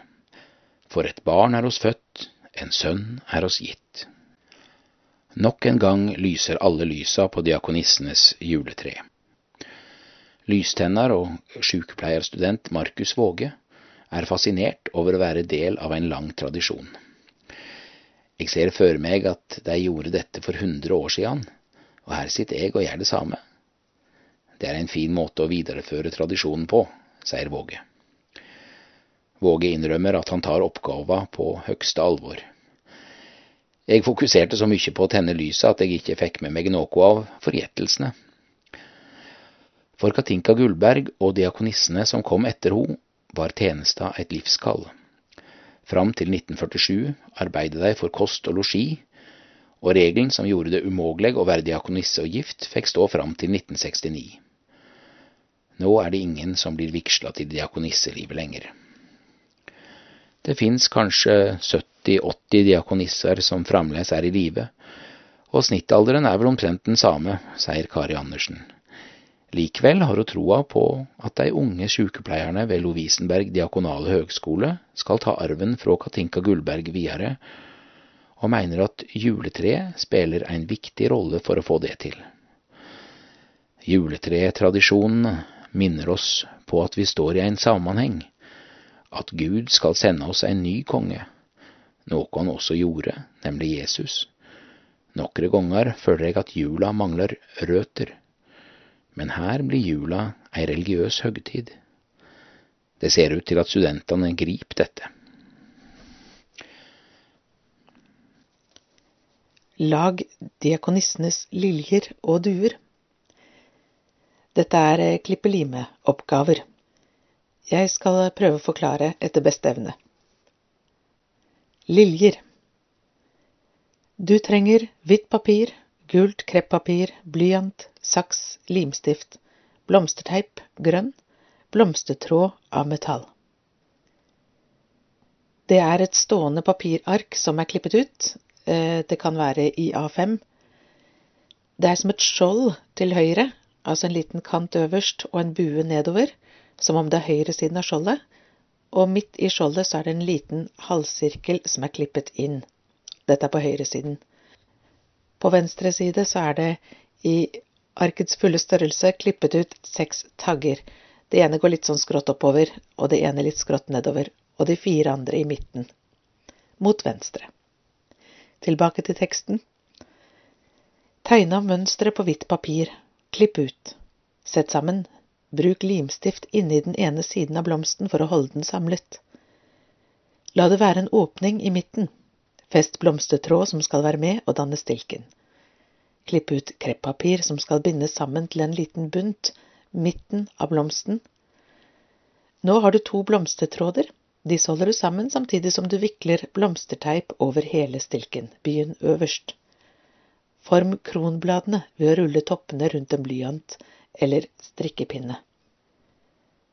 Dette er altså ved den halvsirkelen jeg beskrev på høyre side av arket. Det er midten, og så spinner man de seks kronbladene rundt. Due. Du trenger hvit kartong, hvitt silkepapir, tråd til oppheng. Kartongduen, den er altså klippet ut rett og slett som en due, uten vinger. Den skal ha to hull, loddrette, ett bak på duen og ett bak hodet. Så er det duevingene som skal klippes ut av silkepapir. Det lages altså på dobbelt silkepapir, og det ser ut som silhuetten av et halvt beger, altså med en bueform til skålen på begeret, og en stett som går ganske rett ned. Så stetten er på en måte bare litt smalere enn selve skålen. Til halestjerten bak, som også skal klippes ut av dobbelt silkepapir, der ser det ut som en kvinne fra siden på den ene siden. Man kan tenke seg at den ble klippet ut langs en tredjedel av et A4-ark, altså liggende, og da er det kvinneprofilen på den ene siden, og så er arket sånn som det er allerede på den andre siden, altså uklippet. Tilbake til teksten. Klipp ut duemønstre av hvit kartong. Klipp eller skjær åpninger langs de små strekene. Klipp ut vingene og halestjerten av et dobbelt lag silkepapir. Ops, legg merke til hvilken kant som skal ha brett. Hvis man så for seg at disse her var klippet ut av et A4-ark, så er det altså langs yttersidene, de rette, uklipte sidene, det er der det skal brettes. Tilbake til teksten. Brett silkepapiret til vinger og halestert i trekkspillmønster med ca. 1 cm bredde. Tre det ferdige brettede silkepapiret inn i de to åpningene i duekroppen og form vinger og halestjert. Da håper jeg at det vil lykkes å lage dette etter min forklaring. Hvis ikke så kan det hende at det blir noe helt nytt og fint ut av det. Lykke til! Sverdet i sjela Andakt av Ester Mo Jeg ser deg føre meg, det unge paret som går med det vesle barnet langs den støvete vegen. Bare en måned er gått siden gutten deira kom til verda i et uthus. De har vært heimsøkt av draumar og syn. Ingen av dei har klart å forklare seg for den andre. De eksotiske rike stjernejegerne med gull og de dyre salvene der inne i stallen, dufta som hang i de skimrende draktene, men likevel var det ingenting mot den vesle kroppen i de mjuke, men skitne fellene. Så flukt. Kongen i landet var blitt galen av orda til de framande austerlandsmennene. Soldatene gikk fra hus til hus to og to. Ein treiv de små levende fra mora. Den andre stakk sverdet gjennom de mjuke kroppene. Ein etter ein tok deg slik. Hun kunne ikke stå på føttene av skrekk og utmatting, orka ikke meir reise, men det var inga bønn. Nå er de 40 reinsingsdagane lova krev godt. De to kan gjøre det nybakte foreldre til gutebarn skal, ta han med til tempelet. Kanskje kjem de til den store stående byen utpå ettermiddagen. Det svir framleis mellom beina hennes, og det sprenger bitter søtt i brysta. Han begynner kanskje å bli vant med dette kaoset. Han bærer gutten sin på ryggen og lar henne hvile på eselryggen. Hun lar kroppen sige litt sammen innimellom, men så må hun sjå. Ei nybakt mor tåler ikke lange stunder uten. Den vesle panna hans som fanger alt lys til et skimrende gåtekvelv over de mørke auga. Hjertet hennes krøller seg som mjølka lek ut og lager mørke flekker på drakta. Mannen ser på henne, forstår hva som er skjedd, smiler for seg sjøl og kan ikke la være å riste litt på hodet. Høyrer den vesle pusten der i nakken sin. Han kjenner at hjertet hans også lek, men det setter ingen flekker. De stopper ved en brønn, så hun får vaska seg. Hun vil ikke lukta sur mjølk i tempelet. Der går de breie trappene med sola i nakken. Hun bærer sjølv den vesle armene sine opp mot skuldra, kjenner tyngda av det vesle hodet på skuldra. Han lager ørsmå lyder i svevnen. Så kvelver tempelgangen seg over dei, lufta er så sval at hun kunne drikke den. De vasker føttene sine. Hun held gutten mens faren heller ei ause over føttene hennar. Åh, rennende vatn. Hun får gutten sin igjen. Så tung den svevnen gjør han. Hun bøyer seg over han, snuser han grådig inn, usjenert for folk som yrer rundt deg. Til den gamle mannen plutselig står der, som kom en ut av det blå. Den gamle mannen står der som om han kjenner deg. Ansiktet hans er oppløst av iver, han er andpusten. Hun festa grepet godt om gutten sin. Det finst så mange slags mennesker her, også de ravende gale. Den gamles blikk på gutten deira, som om barnet også var hans. Hun kaster et spørjende blikk på mannen sin. Takk Gud for de sterke armene hans. Den gamles ansikt bærer ingen spor av galskap. Han samlar seg, årsakar seg mildt smilende, kjem til seg sjølv på et vis, rettar på kleda, så strekker han fram armene som ei fred. Og hun gir han barnet. Da han snakkar, er han ikke lenger nokon gammal mann, men ei søyle. Stemma hans er som svalt vatn, den renn over leppene hans. Hun kjenner den mer enn hun høyrer den. Hendene hans både faste og mjuke rundt henda nyfødde. Auga hans er attlatende, og hun ser at han ikke sjøl bestemmer hva han skal seie. En slags sang er det, rytmisk og insisterende kjem linjene. Stemmen hans er blitt så ung, eller kanskje er det ingen alder i den. Hun blir varm og kald, vil stoppa stemma, vil høyra. Lengtar etter gåta. Hatar den også. Stemma hans åpner bildet. De reiser seg rundt henne, og tempelhallen forsvinner. Så får å kjenne det. Tyngde blir til lys, håpløse til tru. Svik til heil ved. Likesele til varme. For seint til like før. Skam til håp. Hun ser en voksen mann og veit hvem det er. Framfor han er ei kvinne i ferd med å reise seg opp fra den steinete marka. Ryggen til sønnen hennar så sterk og vakker. Kvinnen leter skyn av ordet hans, hun vender om og går fritt. Så kvifor fins denne gråten her nå? Den unge mora åpner auga. Det er på henne den gamle mannen ser. Han vil henne ikke vondt, men han kan ikke stoppe. Men gjennom dy sjel skal det også gå et sverd. Det er orda. Dei kjem lågt. Mannen hennar kan ikke verna henne. Orda handlar om ingen andre enn henne. Den vesle slår blikket opp. Sverdspissen veit vegen inn i henne. Den har bare så vidt begynt ferda. I Jerusalem var det da en mann som het Simeon. Han var en rettvis og gudfryktig mann som venta på Israels trøyst. Den heilage ande var over han, og anden hadde latt han få vite at han ikke skulle se døden før han hadde sett han som Herren har salva. Nå kom han opp til tempelet, driven av anden, og da foreldra kom med Jesusbarnet for å gjøre med han som skikk og bruk var etter lova, tok Simeon barnet i armene sine. Han lova Gud og sa, Herre, nå let du tjeneren din fara herifra i fred, slik som du har lova. For mine auge har sett de frelse, som du har gjort i stand, like for anletet på alle folk.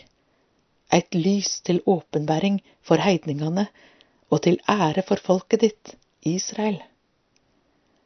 Far hans og mor hans undra seg over det som var sagt om han, og Simeon velsigna deg og sa til Maria, mor hans, Sjå, han er sett til fall og oppreising for mange i Israel, og til et teikn som blir motsagt. Ja, og gjennom de eiga sjel skal det gå et sverd. Lukas 2, 25-35 Deilig er jorden, andre vers. Tider skal komme, tider skal henrulle. Slekt skal følge slekters gang. aldri forstummer tonen fra himmelen i sjelens glade pilegrimssang. Gledelig jul og god lesing, står det på baksiden av dette juleheftet. Det er utgitt av Egmont og Vårt Land forlag.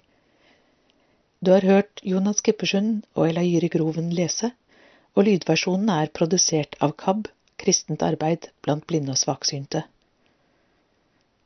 God jul!